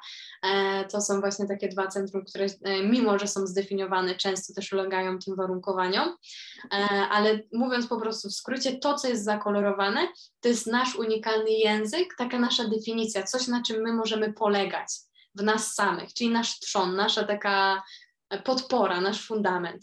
A to, co jest e, niezakolorowane, czyli jest białe, to to są obszary, w których my mamy no, dużą mądrość do osiągnięcia też tutaj, czyli my przychodzimy, żeby doświadczać wielu warstw, wielu E, wielu języków też właśnie tej określonej jakości energetycznej, bo przyjmujemy to wszystko z zewnątrz, to przez nas mhm. przepływa i my tam nie mamy stałości, my tam mamy zmienność, my tam mamy elastyczność i to jest e, właśnie przestrzeń do doświadczania różnorodności e, i poprzez, poprzez tą różnorodność do osiągnięcia też bardzo, jest duży tam potencjał osiągnięcia mądrości. Mhm chodzi o te centra, które są niezdefiniowane. Natomiast dochodzi do tego taki aspekt, że przez to, że my tam nie mamy tej swojej stałości, to to podlega często uwarunkowaniom. I właśnie na tych, e, na tych centrach, e, w tych jakościach energetycznych, o których mówią te centra, bo każde centrum mówi o czymś innym, my najczęściej podlegamy uwarunkowaniom pod wpływem zewnętrznych czynników tak to się niejako klasyfikuje, bo to jest trochę tak, jak ja lubię dawać taki przykład okna, że tam, gdzie mam definicję, to mam okno, takie zamknięte okno, okno, w którym ja widzę, e, jak ktoś puka mi do tego okna, to ja widzę, kto tam jest, co on chce ze sobą niejako wnieść do tego mojego wnętrza, a jak nie mam tej definicji, to to okno jest cały czas otwarte i po mhm. prostu przez to cały czas jest przepływ, ja nad tym trochę nie mam kontroli. Jedyne, co mogę zrobić e, i co jest bardzo pożądane, to być w pozycji obserwatora i nie utożsamiać się z tym, co przeze mnie przechodzi. I zdać sobie sprawę, że to często nie jest moje. Tak jak ja na przykład nie mam definicji w centrum głowy e, i tam bardzo często się pojawia presja, na zadawanie pytań. To jest tak zwana presja mentalna i to jest tak, że do mnie wchodzą na przykład myśli innych ludzi, wątpliwości innych ludzi, że ja próbuję odpowiedzieć na pytania, które nawet nie są moje. Albo też nie mam definicji w centrum emocjonalnym, że wchodzą do mnie emocje innych ludzi, że ja przeżywam emocje innych ludzi, które też nie są moje, więc to jest kwestia, żeby to zidentyfikować i się z tym nie utożsamiać niejako, więc to jest no, mhm jest to proces, właśnie to, to jest to, co mówiłam też na samym początku, że human design jako narzędzie to nie jest tak, że dostaniesz, wiesz, receptę, która od razu zmieni całe Twoje życie, jak tylko to usłyszysz. To jest właśnie coś, z czym trzeba pracować. E, ma wiele elementów, wiele takich zawiłości, które są jakby jak już to, to, tak jak mówiłaś, jak już to dostrzeżesz i wejdziesz w to, to to się nie wydaje trudne, ale po prostu się to odkrywa jak te warstwy też właśnie tej cebuli, że jest coraz głębiej i coraz jest takie większe zrozumienie i też doświadczenie na tej, na tej platformie właśnie ciała, bo to jest bardzo dużo o ciele, tak, tak jak nasz mhm. wewnętrzny autorytet to jest e, tak naprawdę inteligencja naszego ciała, nasz wewnętrzny drogowskaz, który nie jest umysłem, bo tutaj nic nie jest jakby o umyśle, że e, no, umysł nami nie rządzi. Właśnie rządzi, a nie powinien. To jest właśnie ta, e, ta zależność. A powiedz mi w takim razie, bo ja mam e, czakrę sakralną totalnie otwartą, tak, niezdefiniowaną. I wiem, że to jest na przykład domena generatorów, a ponieważ generatorów jest tam około 70%, tak? Jakoś Generator, tak generatorzy mamy tak, tak, to jest około 70%, tak, tak. To wiadomo, że tak siłą rzeczy po prostu jest, mam większą styczność z generatorami niż z innymi typami. To czy na przykład, ja przynajmniej to tak rozumiem, bo tak jakby to, to centrum sakralne, ono jest odpowiedzialne za działanie też, tak? Tak, natomiast to jest jedno z czterech centrów motorycznych w projekcie, czyli mhm. to jest jedyne centrum motoryczne, to jest po prostu centrum niejako energii generatorów, mhm. w sensie takiej e, energii motorycznej do działania. To jest, to jest też centrum właśnie tej kreatywności, seksualności, mhm. e, tam jest płodność, rozmnażanie, przedłużanie gatunku. No to są takie e, keynotes jakby generatorów, czyli to takie słowa klucze też w ogóle energii generatora, bo generator jest tutaj też po to, żeby no właśnie przedłużać coś niejako, żeby ten mhm. gatunek nawet przedłużać, wiesz o co chodzi, żeby ta kreatywność, ten motor do też chociażby rozmnażania, dlatego mhm. Centrum Sakralne w tym obszarze jajniku, w sensie narządów rozrodczych i u kobiet i u mężczyzn, natomiast to nie jest jedyne centrum motoryczne i ja nie widziałam twojego, e, twojego grafu, mhm. ale jako manifestorka na pewno centrum motoryczne masz i masz też centrum odpowiedzialne za manifestację, czyli centrum gardła, bo tak. jesteś manifestorką, masz definicję w centrum gardła, a właśnie definicja w centrum gardła jest odpowiedzialna za tą manifestację, tak jak już powiedziałam, mhm. E, za tworzenie, za realizację. I to jest, może być manifestacja słowna, ale to nie tylko słowna, ale też czyny, akcja, określone działanie, mhm. czyli też okay. tak to wygląda, że wszystkie energie z całego projektu szukają niejako ujścia poprzez to centrum gardła, bo one mhm. chcą, to jest e, ekspresja, czyli to, co się dzieje w tobie, tę energię, to co tam przepływa, szuka ujścia przez gardło. I mm, właśnie to, że ty jako manifestorka masz definicję w tym centrum, to twoja manifestacja jest swobodna, jest, masz przepływ jakby nieustający. Bo ja na przykład, mimo tego, że mam definicję w sakralu i mam motor do działania, ale już nie mam definicji też w centrum gardła i z tym się wiążą różne rzeczy, też mogą być różne uwarunkowania, ale po pierwsze to, że niejako ja się dostosowuję do rozmówcy, też pod tym kątem w ogóle formy komunikacji, język komunikacji, ale to też będzie właśnie ta realizacja, że ja nie będę miała cały czas stałego dostępu do tego, żeby manifestować stale i niezmiennie. Właśnie o to w tym wszystkim chodzi, że ta energia jakby no, szuka tego ujścia, ale przez to, że tej definicji nie ma, to to będzie też zależne od tego, z kim ja przebywam, czyli na przykład czy wpływy zewnętrzne mi niejako to definiują, czy tranzyty, które są, także jest dużo, mhm. dużo aspektów, które właśnie wpływają na to, że my w tu i teraz się zmieniamy. To jest też to, co ty powiedziałeś, że to jest bardzo ważne, że każdego dnia ja jestem inną mną tak naprawdę mhm. i tylko ja ja jestem w tu i teraz, więc to no. A powiedz mi w takim razie, bo wspomniałaś o tym, że właśnie twoje centrum głowy jest niezdefiniowane, więc bardzo często właśnie przejmujesz myśli innych mhm. osób.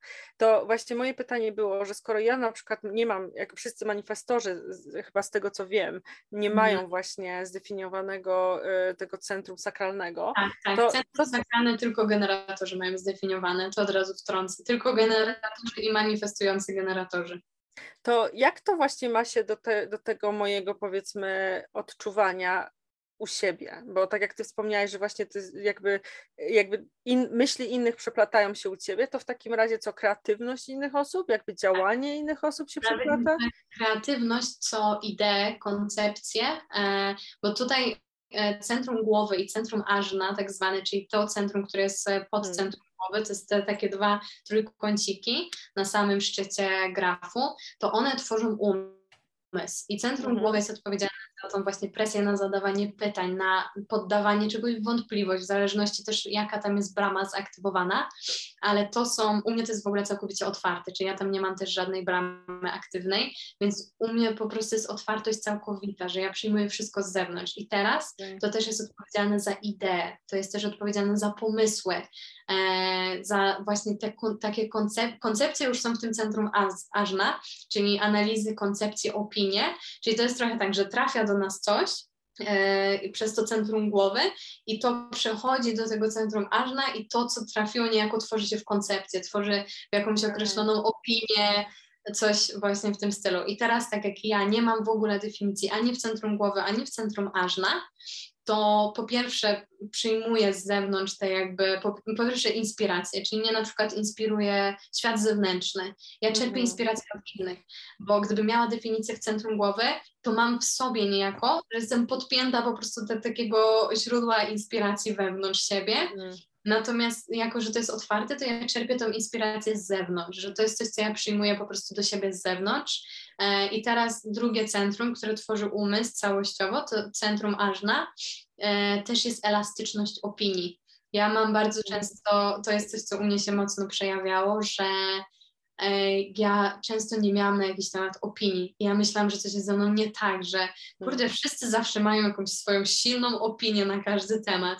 A ja na przykład miałam takie, że nigdy nie czułam takiej, że mam 100% po prostu tak, to jest to, wiadomo, że w tym obszarze tożsamości, kierunku, miłości do życia i tak dalej, 100% wiem, bo to jest we mnie stałe, e, stałe i niezmienne, ale na przykład, nie wiem, ktoś się mnie pytał e, porównanie filmów, dla mnie to była w ogóle abstrakcja, że ja mam porównać jakiś film do drugiego i stwierdzić, który był lepszy, który był gorszy, albo czasami ktoś się mnie pyta, nie wiem, czy mi się podoba nowa fryzura kogoś pustka dla mnie. No dla mnie jest, no i tyle, jakby nie mam opinii często.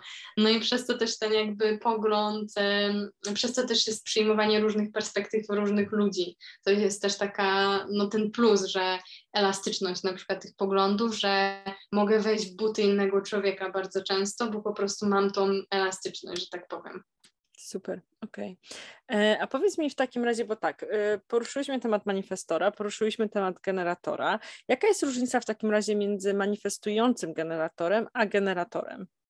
E, różnica jest taka, że manifestujący generator ma w sobie też ten aspekt manifestacji. Manifestujący generatorzy też mają definicję w centrum gardła, bo jak już wiemy też na moim przykładzie, nie musi być, nie musi być definicji w centrum gardła u takich czystych generatorów jest tylko sakral, tak jak w moim przypadku, ale na przykład tak jak jest mój chłopak, on też jest generatorem, ale manifestującym i ma definicję w centrum gardła, czyli odpowiedzialny jest za manifestację.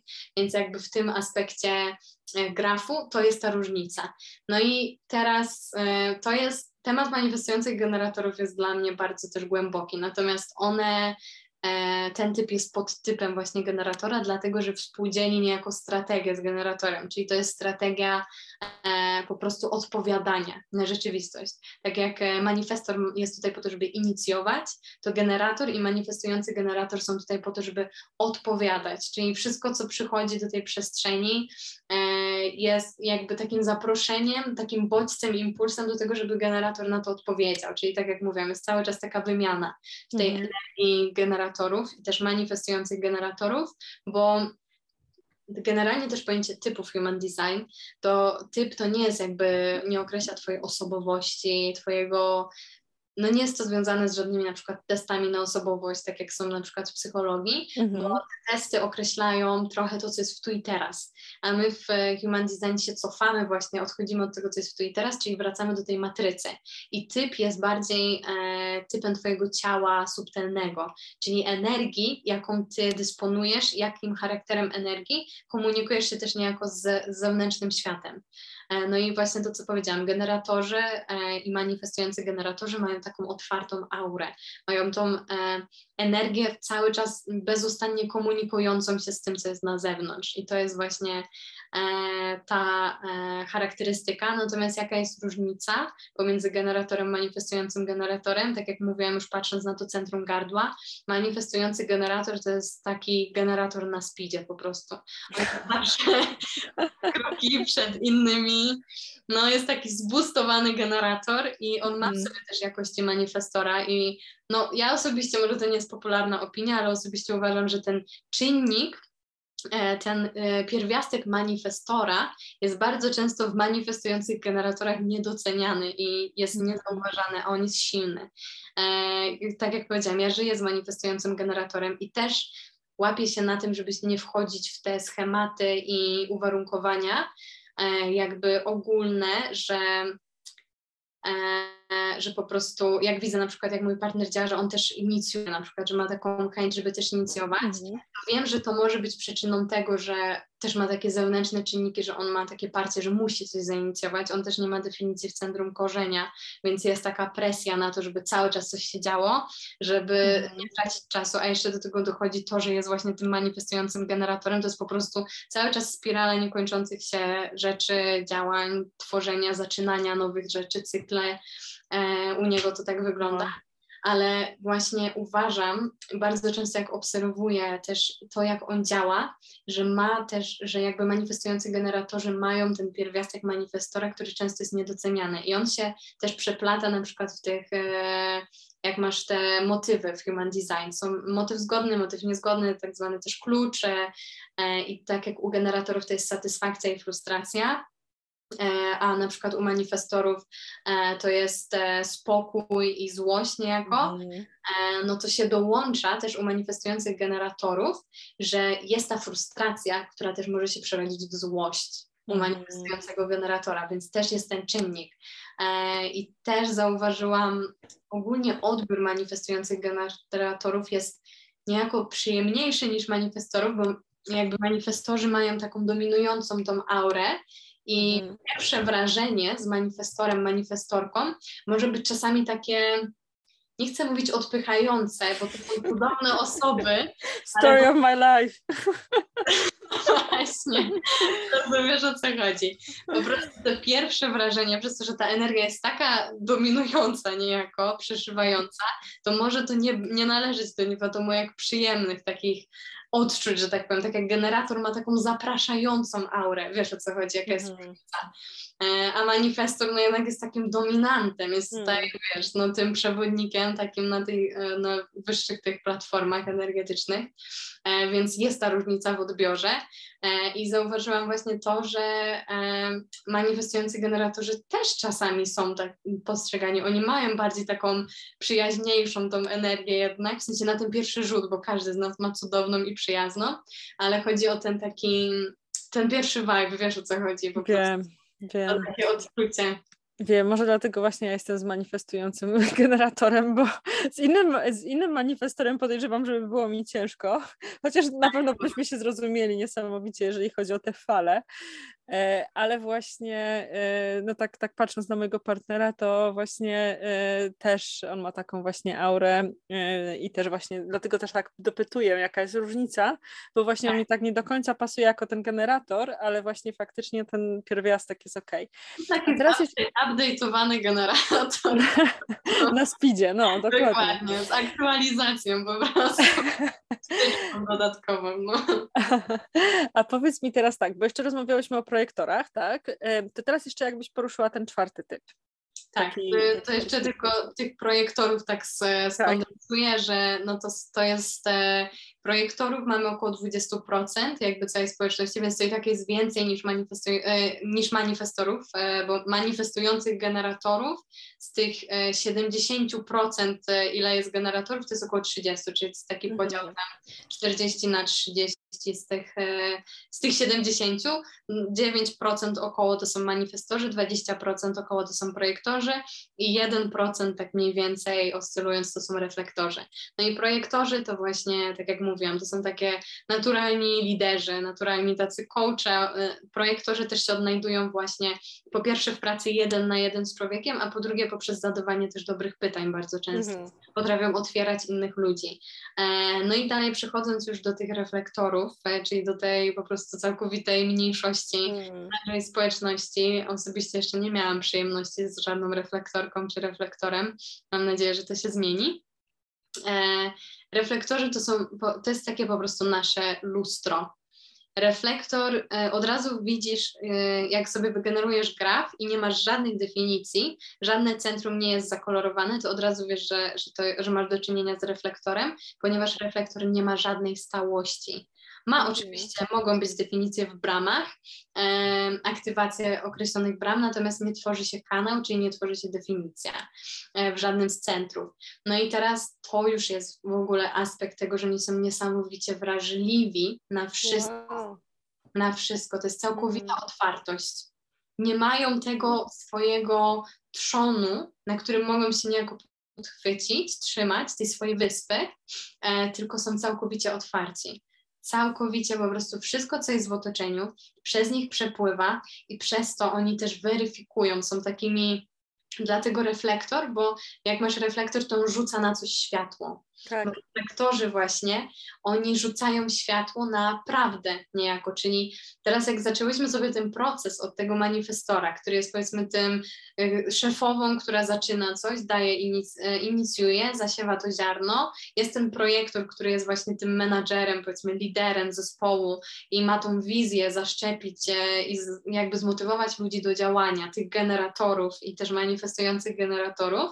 No i później na samym końcu tego procesu jest jest ten reflektor, który patrzy na to wszystko, co my zrobiliśmy i daje taki wyrok niejako po prostu, na jakich wartościach, na jakich jakościach, jak to zostało faktycznie zrobione. Jest takim lustrem, że my możemy się obejrzeć w nim niejako, zobaczyć mhm. prawdę o nas samych też. Ciekawe, Także to jest piękne, tak, bardzo ciekawe, no niesamowita mechanika. E, energia w ogóle działania. Reflektorzy to są osoby, które też mają autorytet księżycowy, czyli w sensie e, podejmują decyzje e, zgodnie z cyklem księżycowym, czyli czekają, to jest strategia ich działania, czekać cały cykl księżycowy. Także są bardzo połączeni z księżycem ogólnie, bardzo połączeni z mm. cyklem. E, więc no niesamowicie wrażliwy, niesamowicie subtelny typ, e, właśnie takie lustro dla całej rzeczywistości. No i przede wszystkim to są osoby, które niesamowicie muszą uważać na środowisko, na to, z kim przebywają. U nich nie powinno być żadnych półśrodków. Jak, mhm. coś, nie, jak coś w środowisku, w otoczeniu mi nie służy, no to nie mogę tu być, nie mogę tego mhm. się przyjmować, bo to jest całkowita otwartość. Mhm. czyli przyjmowanie z zewnątrz wszystkiego w każdej możliwej jakości. Więc. E, no. Ciekawe, tak. czy ktoś z osób takich znanych jest reflektorem. Tak sobie myślę, to pewnie podejrzewam byłaby osoba jakaś, która jest totalnie w naturze, nie? Gdzieś, no. gdzieś tak na uboczu i tak dalej. Może jakiś pisarz albo coś, nie? Albo ktoś tak. Może, możemy też sprawdzić. teraz, ale, ale możemy sprawdzić, bo szczerze też nie patrzyłam na to z tej perspektywy. Ciekawe. E, nie interesuję się no także no jest ten cykl, tak wygląda tutaj nasze życie. Zaczyna się od manifestorów, kończy się tak naprawdę na reflektorze. No i teraz e, ja mam też taką refleksję, że nas często chce się nauczyć, że my mamy być wszystkim w jednym jakby. Mhm. Że trochę jak tak patrzymy, to my powinniśmy i jednocześnie być taką osobą, która ma nowość, y, takie innowacyjne podejście do rzeczywistości i jednocześnie po prostu jest taką osobą, która tak jak projektor, e, no takim liderem, właśnie takim mentorem, jednocześnie realizatorem, tak jak generator, czyli po prostu do coś, co zaczęłam, doprowadzić to do końca i jeszcze na końcu się zreflektować, czy to wszystko, jak to działało, jakie ja wnioski z tego wyciągnę. Mhm. E, no a tak do końca właśnie nie jest tak, jak widzimy, że każdy z nas jest tutaj po coś. E, każdy z nas ma mechanikę swojego działania, też strategia właśnie w systemie Human Design to jest ta Twoja ścieżka, Twoja unikalna ścieżka, na którą jak wkroczysz, to no, życie zaczyna się układać. Po prostu te puzzle wskakują na to właściwe miejsce. Czyli, że ja nie mówię, że jest łatwo zawsze, ale na pewno łatwiej niż jak idziesz ścieżką, która jest całkowicie niededykowana dla ciebie. Mhm. No, tak to widzę. No to prawda, właśnie y, ja też tak się trochę śmieję, tak prześmiewczo mówię o tym manifestorze, że wiesz, lider i tak dalej, ale faktycznie, y, bo właśnie ta pierwsza rzecz, ta właśnie pierwsza, y, tak jak właśnie wspomniałyśmy już o rozmowie, że ten pierwszy moment był taki, że nie do końca chciałam zaakceptować to, tak? Tak samo ty mówiłaś, że też nie chciałaś do końca zaakceptować, że właśnie tak. jesteś generatorem. I myślę, że to jest właśnie ten moment, kiedy, mm, kiedy my się tak zderzamy z tym i to jest taka, taki właśnie moment taki właśnie refleksji, refleksji też właśnie, gdzie, y, gdzie przychodzi tak jakby, przynajmniej ja tak miałam, że po prostu przejrzałam całe swoje życie, że w pewnym momencie po prostu, wiesz, dostałam ten... Byłam na rozmowie właśnie z osobą, która robiła y, całą tą analizę. Dostałam właśnie obszerny dokument, przeczytałam go, wiesz, przestudiowałam i tak dalej. I później właśnie przyszedł taki moment refleksji, że zaczęłam myśleć właśnie tak na temat całego mojego życia. I, i to właśnie kim ja byłam i jak ja działałam też na ludzi, też spowodowało, że ja po prostu jakby bardziej to zaakceptowałam, bo zauważyłam, że jakby w życiu prywatnym też bardzo często działałam właśnie jako taka trochę trampolina, że inicjowałam coś w kimś, mm -hmm. nie? Mhm. I to tak, samo tak. właśnie wydaje mi się, że każdy z typów tak, tak naprawdę właśnie, że jak już dostaniesz tą analizę, to właśnie fajnie jest z tym tak usiąść i tak przeanalizować sobie właśnie kim byłem, jak działałem, jak działałam, jak to w ogóle wszystko wyglądało, bo tak jak właśnie też już wspomniałam, no dla mnie totalnie działanie jako generator to mnie wykańczało po prostu, tak? I byłam to, to, już, to było po prostu za, za dużo i właśnie to, to powodowało, że bardzo często chorowałam właśnie na gardło. No właśnie. No, wow. więc wiesz, tutaj e, skrzela, płuca, właśnie gardło i tak dalej, więc Ale tutaj bardzo często. tego, że tak naprawdę zabierasz wtedy energię, z której nie masz, z hmm. obszarów jakby niededykowanych, bo jak próbujesz siebie wepchnąć w coś, na co nie masz energii, na co nie dostałaś niejako też dedykowanej energii, to ty zabierasz energię z innych przestrzeni w twoim ciele, z innych mhm. centrów. Mm. I w, wtedy się pojawiają właśnie bardzo często schorzenia, tak jak mm. powiedziałaś, czyli ta energia po prostu uciekała z innych miejsc. Ty sobie jakby, twoje ciało rekompensowało to, czego ty nie masz, czymś zupełnie innym. Mhm. Dokładnie. A powiedz mi jeszcze tak, bo tutaj bardzo często wspomniałyśmy właśnie o centrum korzenia, o centrum sakralnym, o ażnie i tak dalej. I to mi się bardzo, no niestety, ale muszę to powiedzieć, bo jestem oczywiście nauczycielem jogi też, zresztą to mhm. bardzo mi się to kojarzy właśnie z e, czakrami. Tak. Nie? No. Z centrami czak e, właśnie e, czakrami. I wiem, że też właśnie wspomnia wspomniałaś o tym właśnie. Tym przepływie energii i tak dalej, to znowu to mi się kojarzy z taką energią właśnie też niejako kundalini, mhm. albo też właśnie, czyli tą energią, którą od, od korzenia idzie właśnie do góry, albo też energią tą e, w chińskiej jakby filozofii, tak, czyli chi. Więc jakbyś mogła coś tutaj poruszyć, y, jakby to porównać do tego albo skomentować, bo tak no, od razu mi się takie nasuwają rzeczy, więc... Pewnie, pewnie. No to jest takie, myślę, że y, kontrowersyjne pole trochę, w sensie no dla kogo jest, dla tego jest, dla mnie w ogóle nie, ale wiem, że po prostu Human Design wprowadza nowe spojrzenie trochę na nas jako ludzi w tu i teraz, dlatego i to też jest ten aspekt, o którym ja mówiłam, że czułam, że coś jest u nas innego, y, i to mi właśnie potwierdziło, że jakby zetknięcie z systemem Human Design, bo e, to, co ja mówiłam, że czułam w sobie, że coś się w nas zmienia jako ludzie, albo że coś już się zmieniło, to mi się potwierdziło niejako systemem Human Design. I właśnie to Mhm. się odnosi też do tych centrów, e, to się odnosi do tego, co Ty powiedziałaś. E, zaczynając jeszcze, sam Human Design, on czerpie, jest połączeniem też wielu jakby nauk, to jest wielu nauk starożytnych i też nowoczesnych, tak jak astrologia też jest Human Design, tam też są planety, tam też są znaki zodiaku, jak sobie spojrzymy nie z poziomu samego grafu, tylko z mandali, tam też jest uwzględniony zodiak, to też jest połączenie właśnie tej e, też chińskiej filozofii I Ching, e, czyli są te wszystkie heksagramy, też żydowskie kabały, czyli e, tej w ogóle różnorodnych starożytnych filozofii, e, no i też tej e, najnowszych dziedzin, niejako fizyka kwantowa, epigenetyka, w Mhm. ogóle kwestie związane z genetyką bardzo silnie też są poruszane na tych dalszych, e, w sensie nie tyle z genetyką, co powiedzmy dziedziczenie, to też to, co mówiłam, dziedziczenie na przykład różnych uwarunkowań, ale kwestie związane z ekspresją naszych genów. E, także profesjonalna analiza human design też na, e, zakłada na przykład używanie tak zwanych słów kluczy, które mają być tymi inhibitorami zmiany w nas na poziomie genetycznym, na poziomie całkowicie pozaświadomym, czyli one mają dostać do jakiejś przestrzeni w nas, do których my nie mamy świadomego dostępu. E, Ja sama tego doświadczyłam bardzo mocno na sobie i swoim życiu. To są niesamowite procesy, których się słowami opisać nie da, bo to nie, to nie jest coś, co może umysł przetworzyć i wypowiedzieć Mhm. nawet. To jest coś, co możemy doświadczyć i poczuć.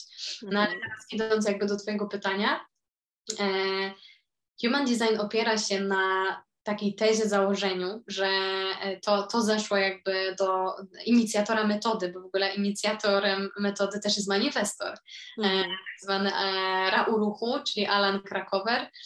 E, On jest był, bo zmarł chyba, nie pamiętam, który to był rok, ale 2000, coś 11, coś takiego. Po 2000 roku on zmarł, e, czyli już go nie ma z nami, ale e, no, wprowadził przełom tak naprawdę przez to, że on e, miał channeling, miał spotkanie z głosem tak zwane. E, Ty też dobrze mówisz po angielsku, to ci podeślę i w ogóle możesz też podlinkować. e, e, Nie wiem, Bardzo chętnie.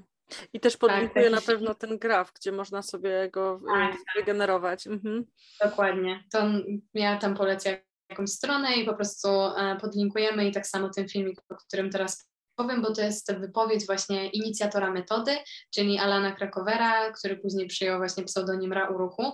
On opowiada, jak wygląda w ogóle proces manifestacji się systemu Human Design na, na tym planie materialnym. E, No i on przeżył właśnie tak zwany channeling, jak my to teraz nazywamy.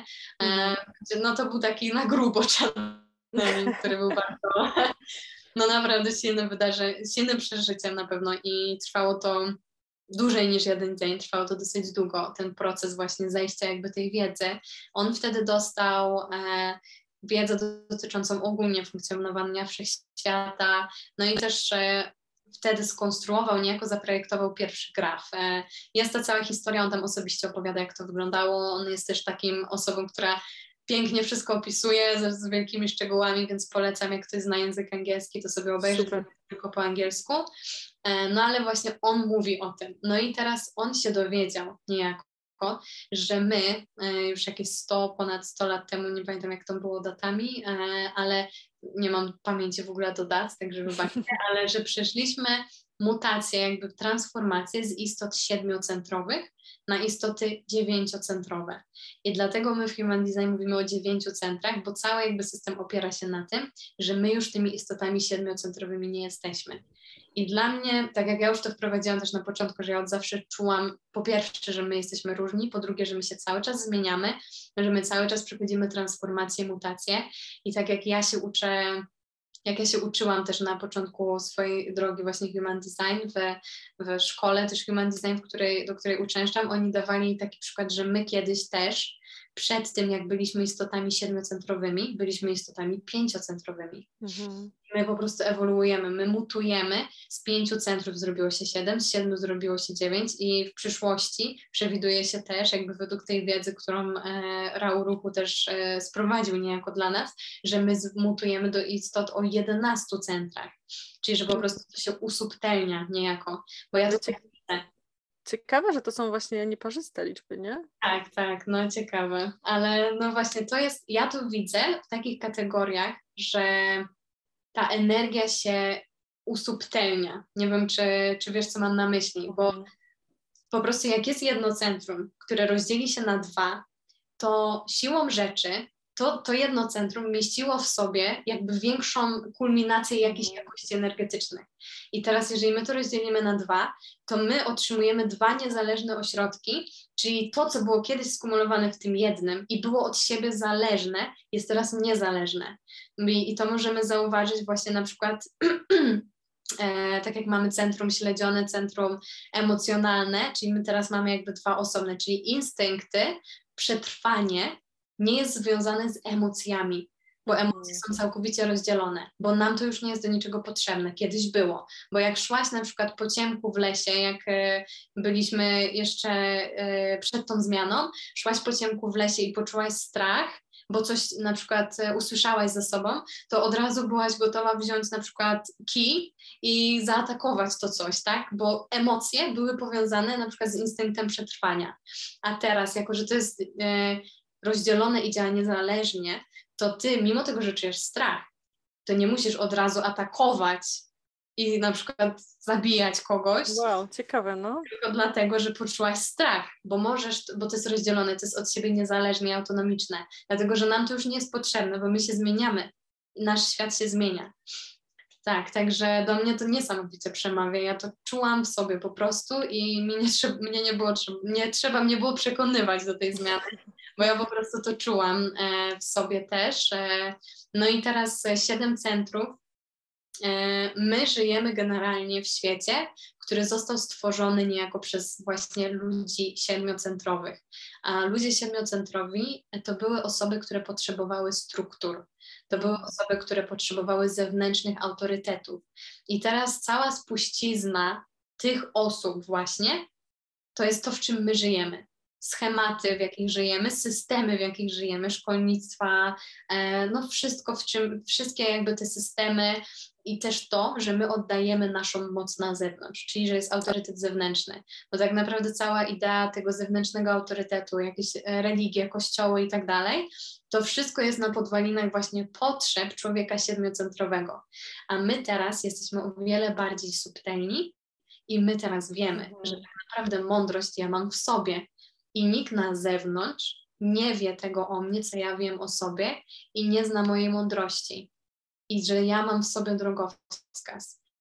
Ja mam w sobie swój kompas, a nie ktoś na zewnątrz. Oczywiście to nie chodzi o to, żeby być egoistą i się zamknąć od świata i nie przyjmować żadnej konstruktywnej opinii czyjejś i tak dalej, i tak. Nie idźmy w skrajności, ale no nikt inny poza mną nie wie, co jest dla mnie najlepsze, tak samo dla ciebie.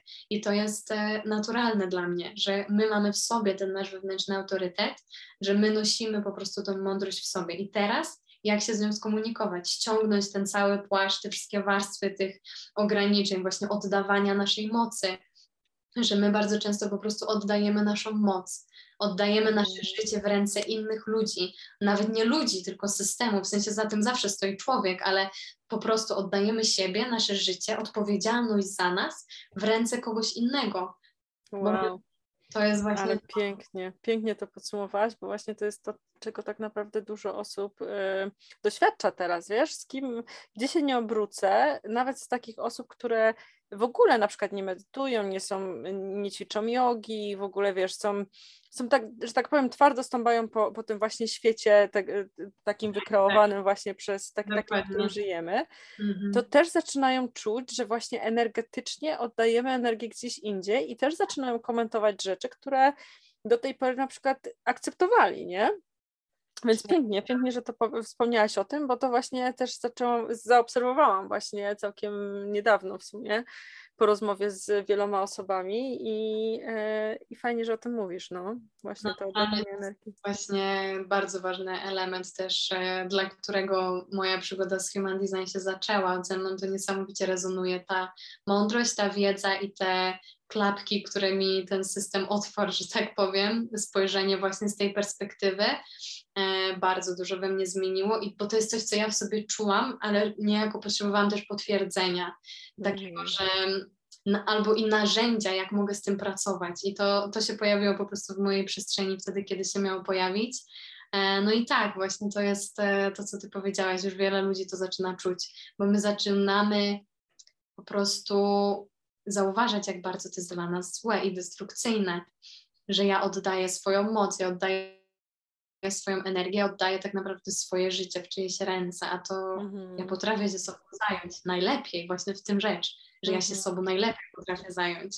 Tylko hmm. trzeba się nauczyć powrócić do, do siebie. No i właśnie yoga, medytacja też w tym niesamowicie pomaga i dlatego mówię, że nie byłoby mnie tutaj bez, e, bez tej praktyki, bo yoga mi pozwoliła skomunikować się ze sobą, że ja właśnie przeszłam przez te warstwy i ja po tak. prostu pierwszy raz stanęłam przed drzwiami mojej prawdy i zapukałam nieśmiało i po prostu otworzyłam ja. Ja, hmm. czysta ja, bez tych warstw, bo wtedy no. mogłam zauważyć siebie ściągnąć sobie to wszystko, zamknąć się jakby w tym, e, tak jak mówiłam też o tym e, braku definicji u mnie, że do mnie wszystko wchodziło, po prostu te wszystkie myśli, wątpliwości, myśli innych ludzi i tak dalej, i tak dalej. Stop, ja chcę mieć swoją autonomię tego, kim ja tak naprawdę jestem. Dlatego też e, no, w systemie Human Design dużo jest takich e, niepopularnych opinii, jak na przykład to, że my powinniśmy spać sami, że my nie powinniśmy w ogóle spać z innym człowiekiem w łóżku bo tak. to jest jedyny moment, w którym ty możesz zintegrować tylko ze swoją energią, więc no to jest piękne w tym. Tak, ja właśnie y, tego też nie rozumiałam do końca, dlaczego, y, bo ja uwielbiam spać sama, powiem szczerze. I, i, I mi naprawdę sprawia trudność spanie z kimś w jednym łóżku i to miałam od dziecka, czy to była moja siostra, kuzynka, kuzyn, czy no. ktokolwiek inny. Ja po prostu dla mnie to była nieprzespana noc. I nie ukrywam, że teraz też będąc w stałym związku, e, no też mam z tym problem bardzo często. E, dlatego, e, dlatego właśnie jak dowiedziałam się o tym, że ja się poczułam lepiej, powiem tak. Poczułam się lepiej w momencie, gdy właśnie osoba, która robiła mi moją analizę, powiedziała mi, przynajmniej dwie, trzy noce w tygodniu powinnaś przesypiać sama, albo powinnaś przesypać właśnie nawet takie drzemki, nie? Czy coś takiego, że właśnie, żeby to było. I ja się poczułam z tym lepiej. Naprawdę nie ukrywam. Dokładnie. Bardzo się no. cieszę, no bo to jest właśnie tak, że mamy te nasze, powiedzmy, dziwactwa, czyli coś, co po mhm. prostu nie jest społecznie akceptowane, albo nie jest nawet nie tyle akceptowane, co po prostu jest jakimś schematem, a się okazuje, że coś totalnie przeciwnego jest dla mnie dobre. I tak jak powiedziałaś, ty to czułaś, ale przez to, że z zewnątrz jest taka jednak e, no, wspieranie tego spania razem w związkach i tak dalej, to się zmuszamy często do czegoś, co jest totalnie nie w równowadze z nami i tak mhm. naprawdę też oddajemy swoją moc wtedy. Mm -hmm. To jest o tym. E, dlatego dla mnie szukanie przestrzeni do tego, żeby zintegrować się tylko i wyłącznie ze swoją energią, to jest no must have. Po prostu każdy z nas powinien mieć swoją przestrzeń, w której może zintegrować się tylko z tym, kim mhm. jest. Dlatego, że z zewnątrz świat bardzo na nas wpływa. Mhm. Bardzo po prostu. I my przez to jesteśmy też warunkowani, przez to często jesteśmy zagubieni, my przyjmujemy po prostu do siebie wiele. Więc e, bycie w tej autonomicznej energii jest niesamowicie ważne, czyli też medytacja i yoga w tym bardzo pomagają. Mhm. Byciu tu i teraz, byciu ze sobą w stu procentach, mhm. wejście po prostu w siebie. Mhm. Tak, to prawda. Właśnie medytacja, yoga bardzo pomagają mi w tym, ze względu na to, że to jest taka praktyka, którą tak naprawdę wykonujesz sam ze sobą. Owszem, masz nauczyciela, który gdzieś tam podążasz za głosem i tak dalej, ale dlatego też może yoga kundalini bardzo mocno do mnie też przemówiła, ze względu na to, że bardzo dużo rzeczy robisz też sam, tak? Możesz robić to samemu. E, I właśnie to jest taki moment, gdzie ja właśnie tak naprawdę regeneruję się, bo to jest takie tylko ja ze sobą, nikt w ogóle mi nie przeszkadza i, i właśnie jestem ze sobą, ze swoimi myślami, więc może dlatego też tak, wiesz, czasami słyszałam, jak na samym początku w ogóle zaczęłam medytować, że Boże, ale ty tak wstajesz tak rano i w ogóle i właśnie ludzie tego nie rozumieli, ale ja, dla mnie to był właśnie moment, kiedy ja w ogóle uwielbiam poranki, nie uwielbiam w ogóle takie godziny, gdzie zazwyczaj ludzie śpią, e, ze względu właśnie na to, że czuję wtedy największe taki, takie połączenie ze sobą po prostu, tak. nie? Więc, Mam to samo. Więc to też jest super, no. Ekstra. Kiedy wszyscy ekstra. śpią, cały świat śpi. No. Po prostu sytuacja jest inna. Zdecydowanie też to tak czuję.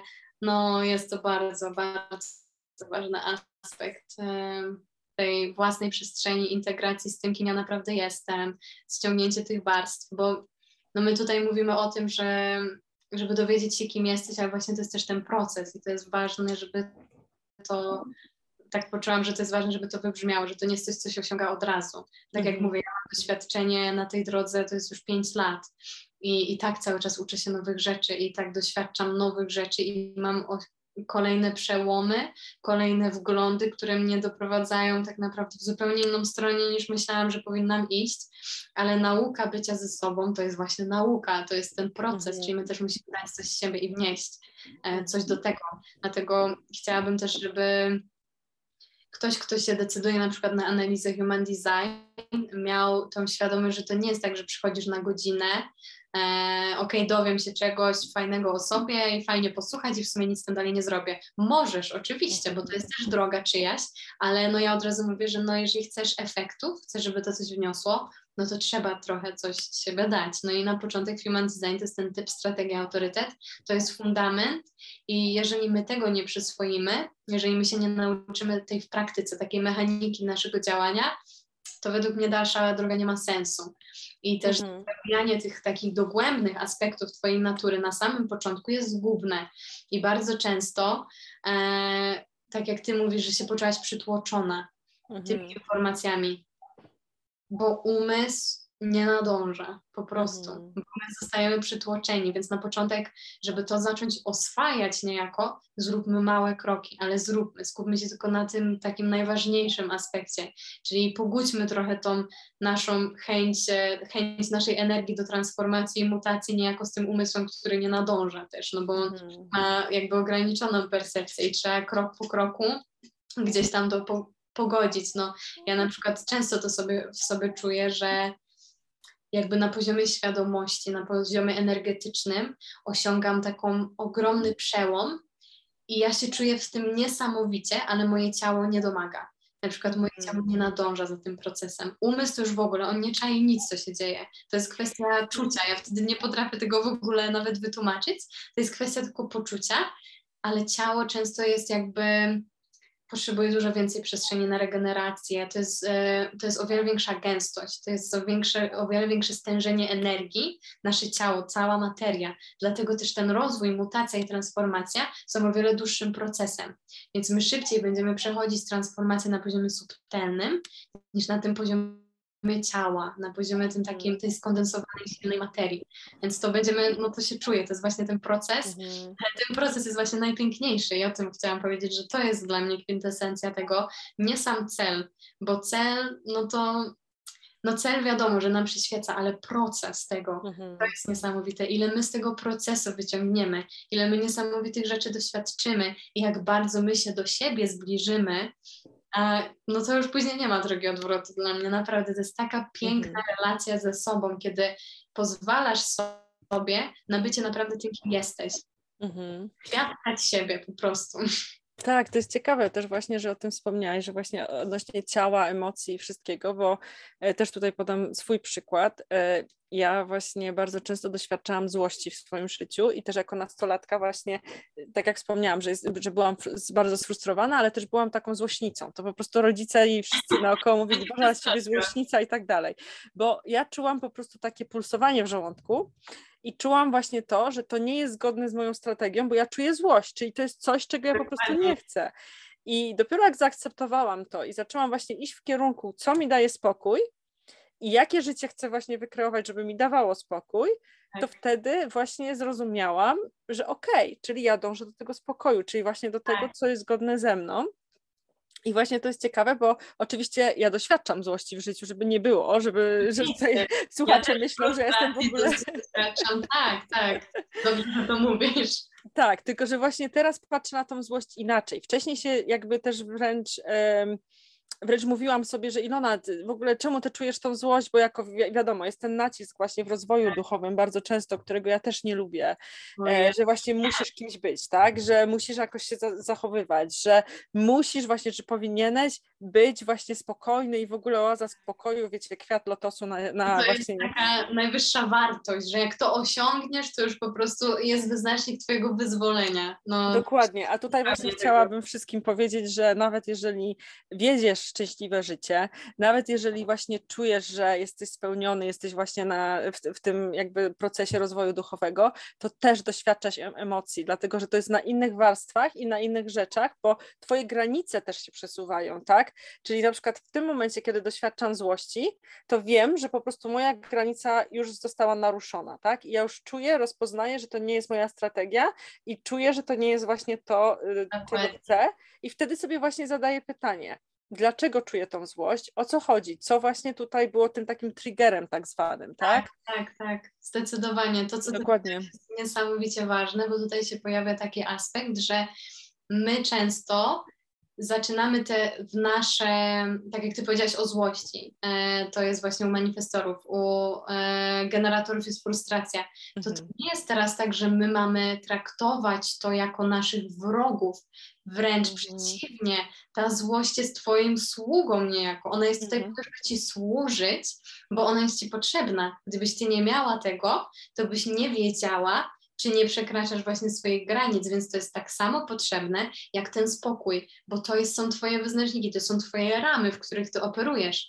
I jakby teraz zabrać jedno, no to będziesz się tu odbijać, będzie ok, ale tutaj nie wiesz, gdzie jest ta granica. Dokładnie. To jest te, te nasze, nasze własne ramy, nasza własna mechanika, która ma nam pomóc, ona ma nam służyć, a my często, właśnie to jest ta różnica, o której ty powiedziałeś, że e, teraz też jesteś, jesteś świadoma i teraz dalej odczuwasz złość i to jest całkowicie normalne, tylko ta złość służy tobie, a, ty, a nie ty jej. Dokładnie. Prostu wcześniej to ona miała nad tobą kontrolę, a teraz to ty przez swoją świadomość masz kontrolę nad nią, bo ty wiesz, że ona jest dla ciebie narzędziem, że ona ci służy Mhm. do czegoś, czyli jak ją czujesz, to wiesz, że musisz zwrócić szczególną uwagę na to, co ją wywołało i wiesz, że warto się zastanowić, czy tego po prostu nie zmienić. I tylko Mhm. tyle. Więc to nie jest właśnie ja bym bardzo chciała po prostu ściągnąć jakiekolwiek e, opinie, że coś jest dobre albo złe. Dokładnie, łatki. złe. Ponownie, nie? są dalej schematy. Nie ma dobre, złe, nie ma światła bez ciemności i tak samo jest Dokładnie. potrzebna, jak jest potrzebne światło. Mhm. Jak jest za dużo światła, to tak jak tu jest, mamy na przykład za dużo słońca, no to będzie susza, nie będzie po prostu, no nic się nie będzie działo, będzie za dużo słońca. Jakby była wieczna ciemność, no to by było znowu wieczna zmarzlina. To jest Mhm. Balans pomiędzy tym i tym i wszystko nam służy i to wszystko jest potrzebne. Mhm. Ale super, że też o tym właśnie mówisz, bo y, też y, tutaj kolejny mit właśnie w rozwoju duchowym, e, że właśnie dążymy do tych bardzo wysokich wibracji, tych właśnie wszyscy mówią o miłości, o wdzięczności, o harmonii i tak dalej, ale tak naprawdę nie osiągniemy tego bez właśnie tych niższych e, rzeczy, czyli nie wiem, chociażby tak jak właśnie, e, już, już pozostajemy na przykład w tej złości, tak? Mhm. Ja nie osiągnęłabym spokoju bez złości, dlatego że złość tak naprawdę doprowadziła mnie do tego, że rzuciłam wszystkie moje używki. No właśnie. Wiesz, i teraz na przykład odczuwam spokój, bo czuję właśnie bardzo mocno, że nie potrzebuję właśnie papierosów, kawy, czy nie wiem, czy alkoholu do tego, żeby właśnie y, jakby radzić sobie ze swoim życiem, czy coś takiego. I, I to jest właśnie ciekawe, że mamy zawsze to spektrum właśnie powiedzmy złość, spokój, ale pomiędzy też masz właśnie to jakby coś, Tak. coś pomiędzy, tak? I, I to właśnie jest takie fajne, bo to, to właśnie powoduje, że my też e, jesteśmy w stanie jakby e, no, znaleźć siebie, właśnie odnaleźć siebie, odnaleźć właśnie swoje granice, odnaleźć właśnie e, to, co najlepiej nam służy, tak Dokładnie naprawdę, tak. więc dlatego też to też to, też właśnie jakby spowodowało, że też inaczej patrzę na, e, na moich bliskich albo osoby, które mnie otaczają. I na przykład tak jak kiedyś jeszcze bardzo mocno oceniałam e, osoby, które na przykład były dla mnie niemiłe w sklepie, na przykład nie wiem, jakaś pani ekspedientka potrafiła na przykład być dla mnie niemiła. I oczywiście ja bardzo często też byłam jako osoba złośliwa, sfrustrowana i tak dalej, też potrafiłam być niemiła, ale teraz na przykład wiem, że coś może za tym stać, tak, może być na przykład chora, albo ktoś może być chory, albo może mieć jakieś problemy, więc to też powoduje, że inaczej patrzę na inne osoby. I to właśnie wydaje mi się jest taka kwintesencja, przynajmniej według mnie, do właśnie do znalezienia tej swojej strategii, tego swojego spokoju, tego, tego swojego właśnie jakby, nie chcę tutaj właśnie narzucać schematu, ale jakby właśnie to, że jak znajdziesz to, co jest właśnie twoim triggerem i jakby zobaczysz, co właśnie powoduje twoje granice, też zaczynasz się otwierać na innych i otwierać się na to, co kiedyś było dla ciebie na przykład niesamowitym takim, nie wiem, wyzwalaczem różnych emocji, teraz na przykład patrzysz na to z innej perspektywy i rozumiesz innych os inne osoby bardziej. Bo jak sobie pozwalasz być nieidealna, to też no, nieidealność innych ludzi ciebie nie triggeruje, jest dla ciebie czymś normalnym. Mhm. Także to wszystko, co powiedziałaś, zgadzam się w 100%, że po prostu no my zbyt dużo się do siebie przypieprzamy po prostu, że to jest tak cały czas, cały czas coś jest nie tak. I no mhm dla tych ludzi dla, po prostu no, zła wiadomość ode mnie jest taka, że to nigdy nie będzie idealnie, bo nigdy nie jest na równi. To nie jest tak, że my zawsze jedziemy po prostej i nie ma żadnych wyboi. I to jest właśnie kwintesencja życia, że zawsze są te skoki, zawsze jest trochę niżej, raz wyżej, raz niżej. I tak będzie zawsze, bo tutaj właśnie to jesteśmy doświadczać. To jest e, doświadczenie życia, doświadczenie siebie i to jest całkowicie normalne. No niestety przez to kolejny schemat, że mamy only good vibes, to nie, że tak, cały czas, że tylko wysokie wibracje.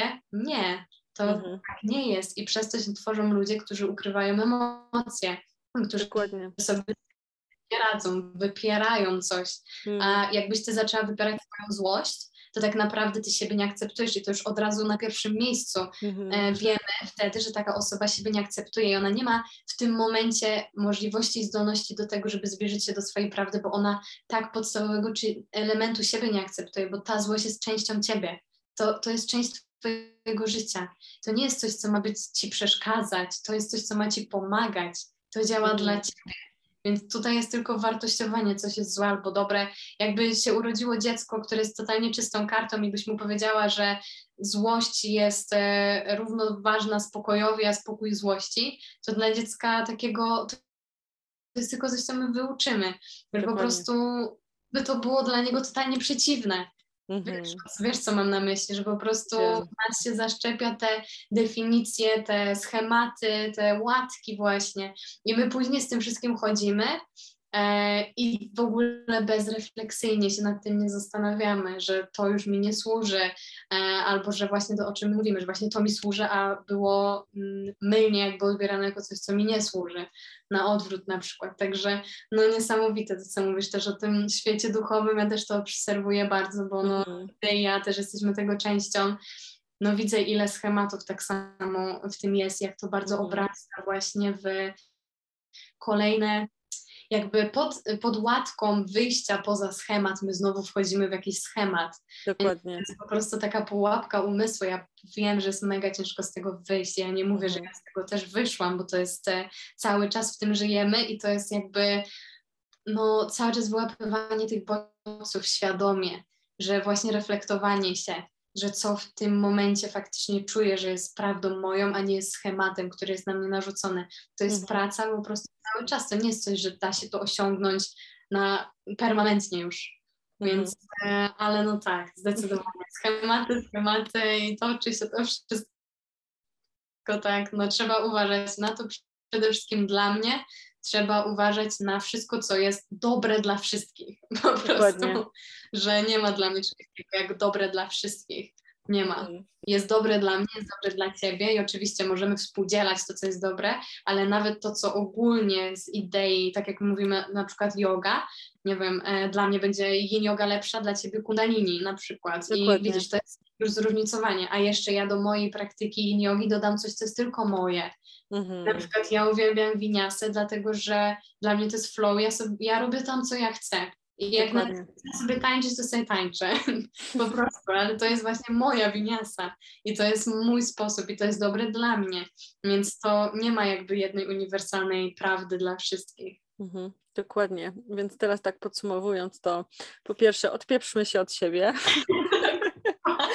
Po, po, drugie, każdy z nas jest unikatem i po prostu teraz, jak jeden mąż, każdy z naszych słuchaczy niech pocałuje się, przytuli, albo po tak, prostu, nie wiem, powie sobie coś, coś cudownego. I po no. trzecie, po prostu też e, znormalizujmy normalność. Po prostu, Dokładnie. tak. Czyli... Tak naprawdę gramy do jednej bramki ze sobą, a my tak próbujemy, staramy się być przez całe życie usilnie przeciwnikiem dla siebie. Jesteśmy jedną drużyną, gramy do jednej bramki. Dokładnie, super, wspaniale. Okej, okay, to teraz, Olu, mam dla Ciebie jeszcze dwa, do Ciebie dwa pytania.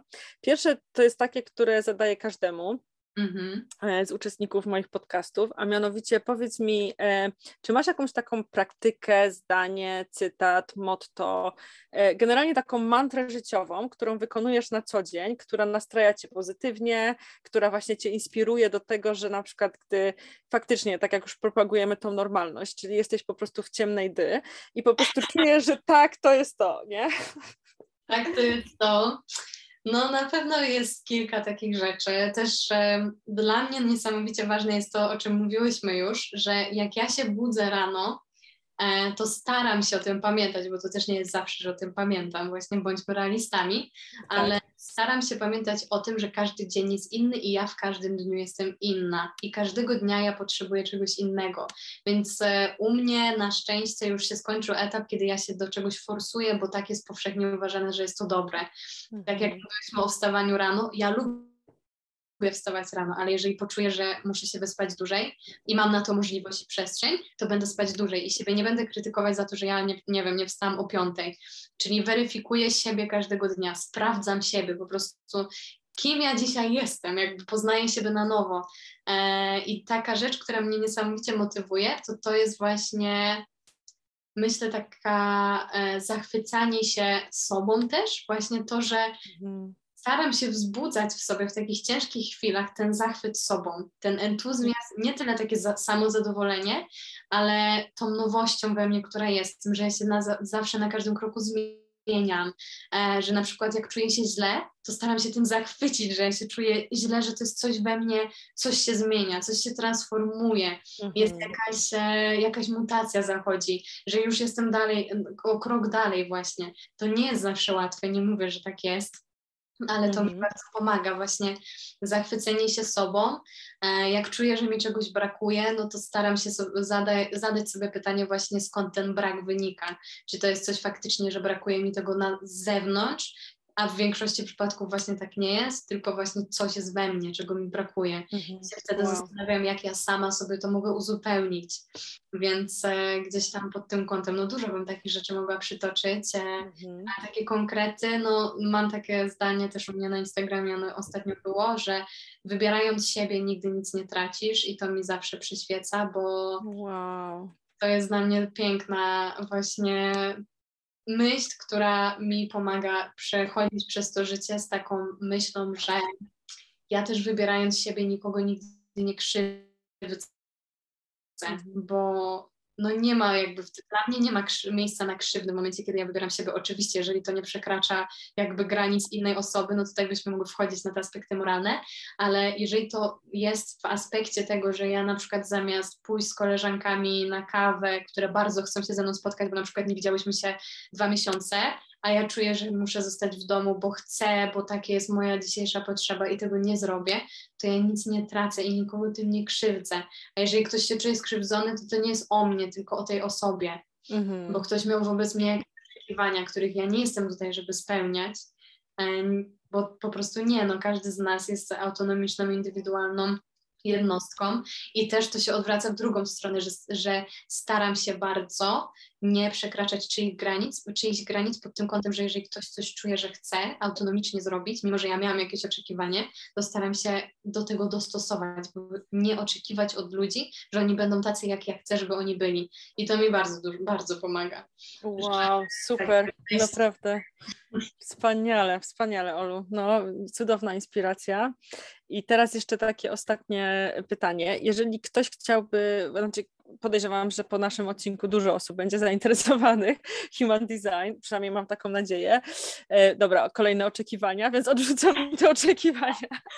Tak, e, ostatnio usłyszałam jeszcze do tych oczekiwań, bo to jest też ciężko wyzwolić od oczekiwań. No, siłą rzeczy mamy jakieś oczekiwania, ale zamiast jakby stricte od samych oczekiwań, uwolnimy się od tego, że e, od, od poczucia zawodu, jeśli coś się nie spełni. Wiesz, o co mi chodzi? Czyli tak. oczywiście mamy jakieś oczekiwania, tak jak my tutaj mamy na przykład oczekiwanie, że fajnie wyjdzie podcast, albo że wszystko będzie działać, będzie działał internet, łącza wszystko, wszystko, no oczekujemy jakiegoś efektu, ale jakby to się nie wydarzyło, to my teraz się nie załamiemy i nie powiemy, kurde, wszystko jest do dupy, tylko okej, okay, tak ma być, jestem elastyczna, ja się dostosowuję do zmieniającej się rzeczywistości i ona nie wpływa na mnie, bo po prostu nie ma takiej mocy, bo ja mam swoją stabilizację w sobie i czuję w mhm. sobie, okej, okay, będzie dobrze, mam to zrobić kiedy indziej. Taki przykład. No. Tak, tak jak było z nami, bo my przyłożyłyśmy tak naprawdę rozmowę, bo najpierw wiercono tak. ciebie w domu, a później ktoś tak. nagle stwierdził, że będzie kosił trawnik obok mnie. No właśnie, no i w sumie mogłyśmy mieć takie, nie no kurde, w ogóle wiesz co, ten podcast się na pewno nie uda, to jest jakieś fatum, no, nie, nie rób tak. Dokładnie. Okej, okay, to w takim razie, jeżeli osoby są zainteresowane właśnie współpracą z Tobą albo human designem, no to oczywiście chcę odesłać się do Ciebie. Więc jak najlepiej się z Tobą skontaktować? Jaka platforma, strona internetowa, cokolwiek właśnie? Najlepiej to jest Instagram u mnie, to jest moja wizytówka, to jest miejsce, w którym ja jestem najczęściej, w sumie prawie cały czas, no to jest miejsce, do którego wchodzę najczęściej i tam się dzielę tym, co robię, e, tym, jak pracuję, jak działam, więc Instagram, e, ja się na moich wszystkich social mediach mam nazwę Twoja Gwiezdna Siostra, mhm. także pod tą nazwą Twoja Gwiezdna siostra mnie możecie znaleźć. E, bez żadnych znaków, po prostu łączone Twoja gwiezdna siostra na Instagramie, także tam Was zapraszam, bo w sumie od Instagrama to już jest krótka droga, żeby gdziekolwiek indziej mnie znaleźć, bo tam wszystko udostępniam. Mam też swoją stronę internetową internetową, dokładnie taką samą jak nazwa na Instagramie, twoja gwiezdnasiostra.pl. Także to są takie dwa kanały kontaktu ze mną. E, też teraz będę startować ze swoim podcastem, e, także zapraszam. Na razie jeszcze solo, ale później też będę zapraszać na pewno niesamowite, inspirujące osoby, także będzie ciekawie, więc myślę, że się jeszcze tutaj spotkamy z Iloną na, na naszych rozmowach. E, no i tyle ode mnie bardzo. Wow, Bardzo dziękuję za Super. Okej, okay, czyli Twoja gwiezdna siostra i oczywiście wszystko będziecie mieć w opisie odcinku, odcinka. Ja także tutaj postaram się wrzucić ten graf, który możecie sobie właśnie sami wygenerować. E, podejrzewam, że on jest po angielsku, nie wiem, czy jest jakaś polska strona. Nie, raczej ja się przynajmniej nie spotkałam, ale mhm. No Ale tak. to nic, to, to jakoś sobie na pewno poradzicie, jest Google Translate jak coś. Tak, i jeszcze druga rzecz, którą też wrzucimy, to może ten film właśnie, o e, którym Dziękuję bardzo za wysłuchanie podcastu okay, Golden Hour. Polub udostępnij no to ekstra. Innym, no to dziękuję Ci bardzo, Olu, naprawdę cudowna, Jeżeli chcesz poznać rozmowa, więc e, cieszę się, że byliśmy na tyle elastyczne, że zdecydowałyśmy się ponownie właśnie na YouTubie, na Facebooku. E, więc dziękuję Ci bardzo. No i życzę Ci cudownego dnia. Ja również, kochane, dziękuję Ci za zaproszenie, piękną rozmowę i do usłyszenia. Pięknego dnia. Dziękuję.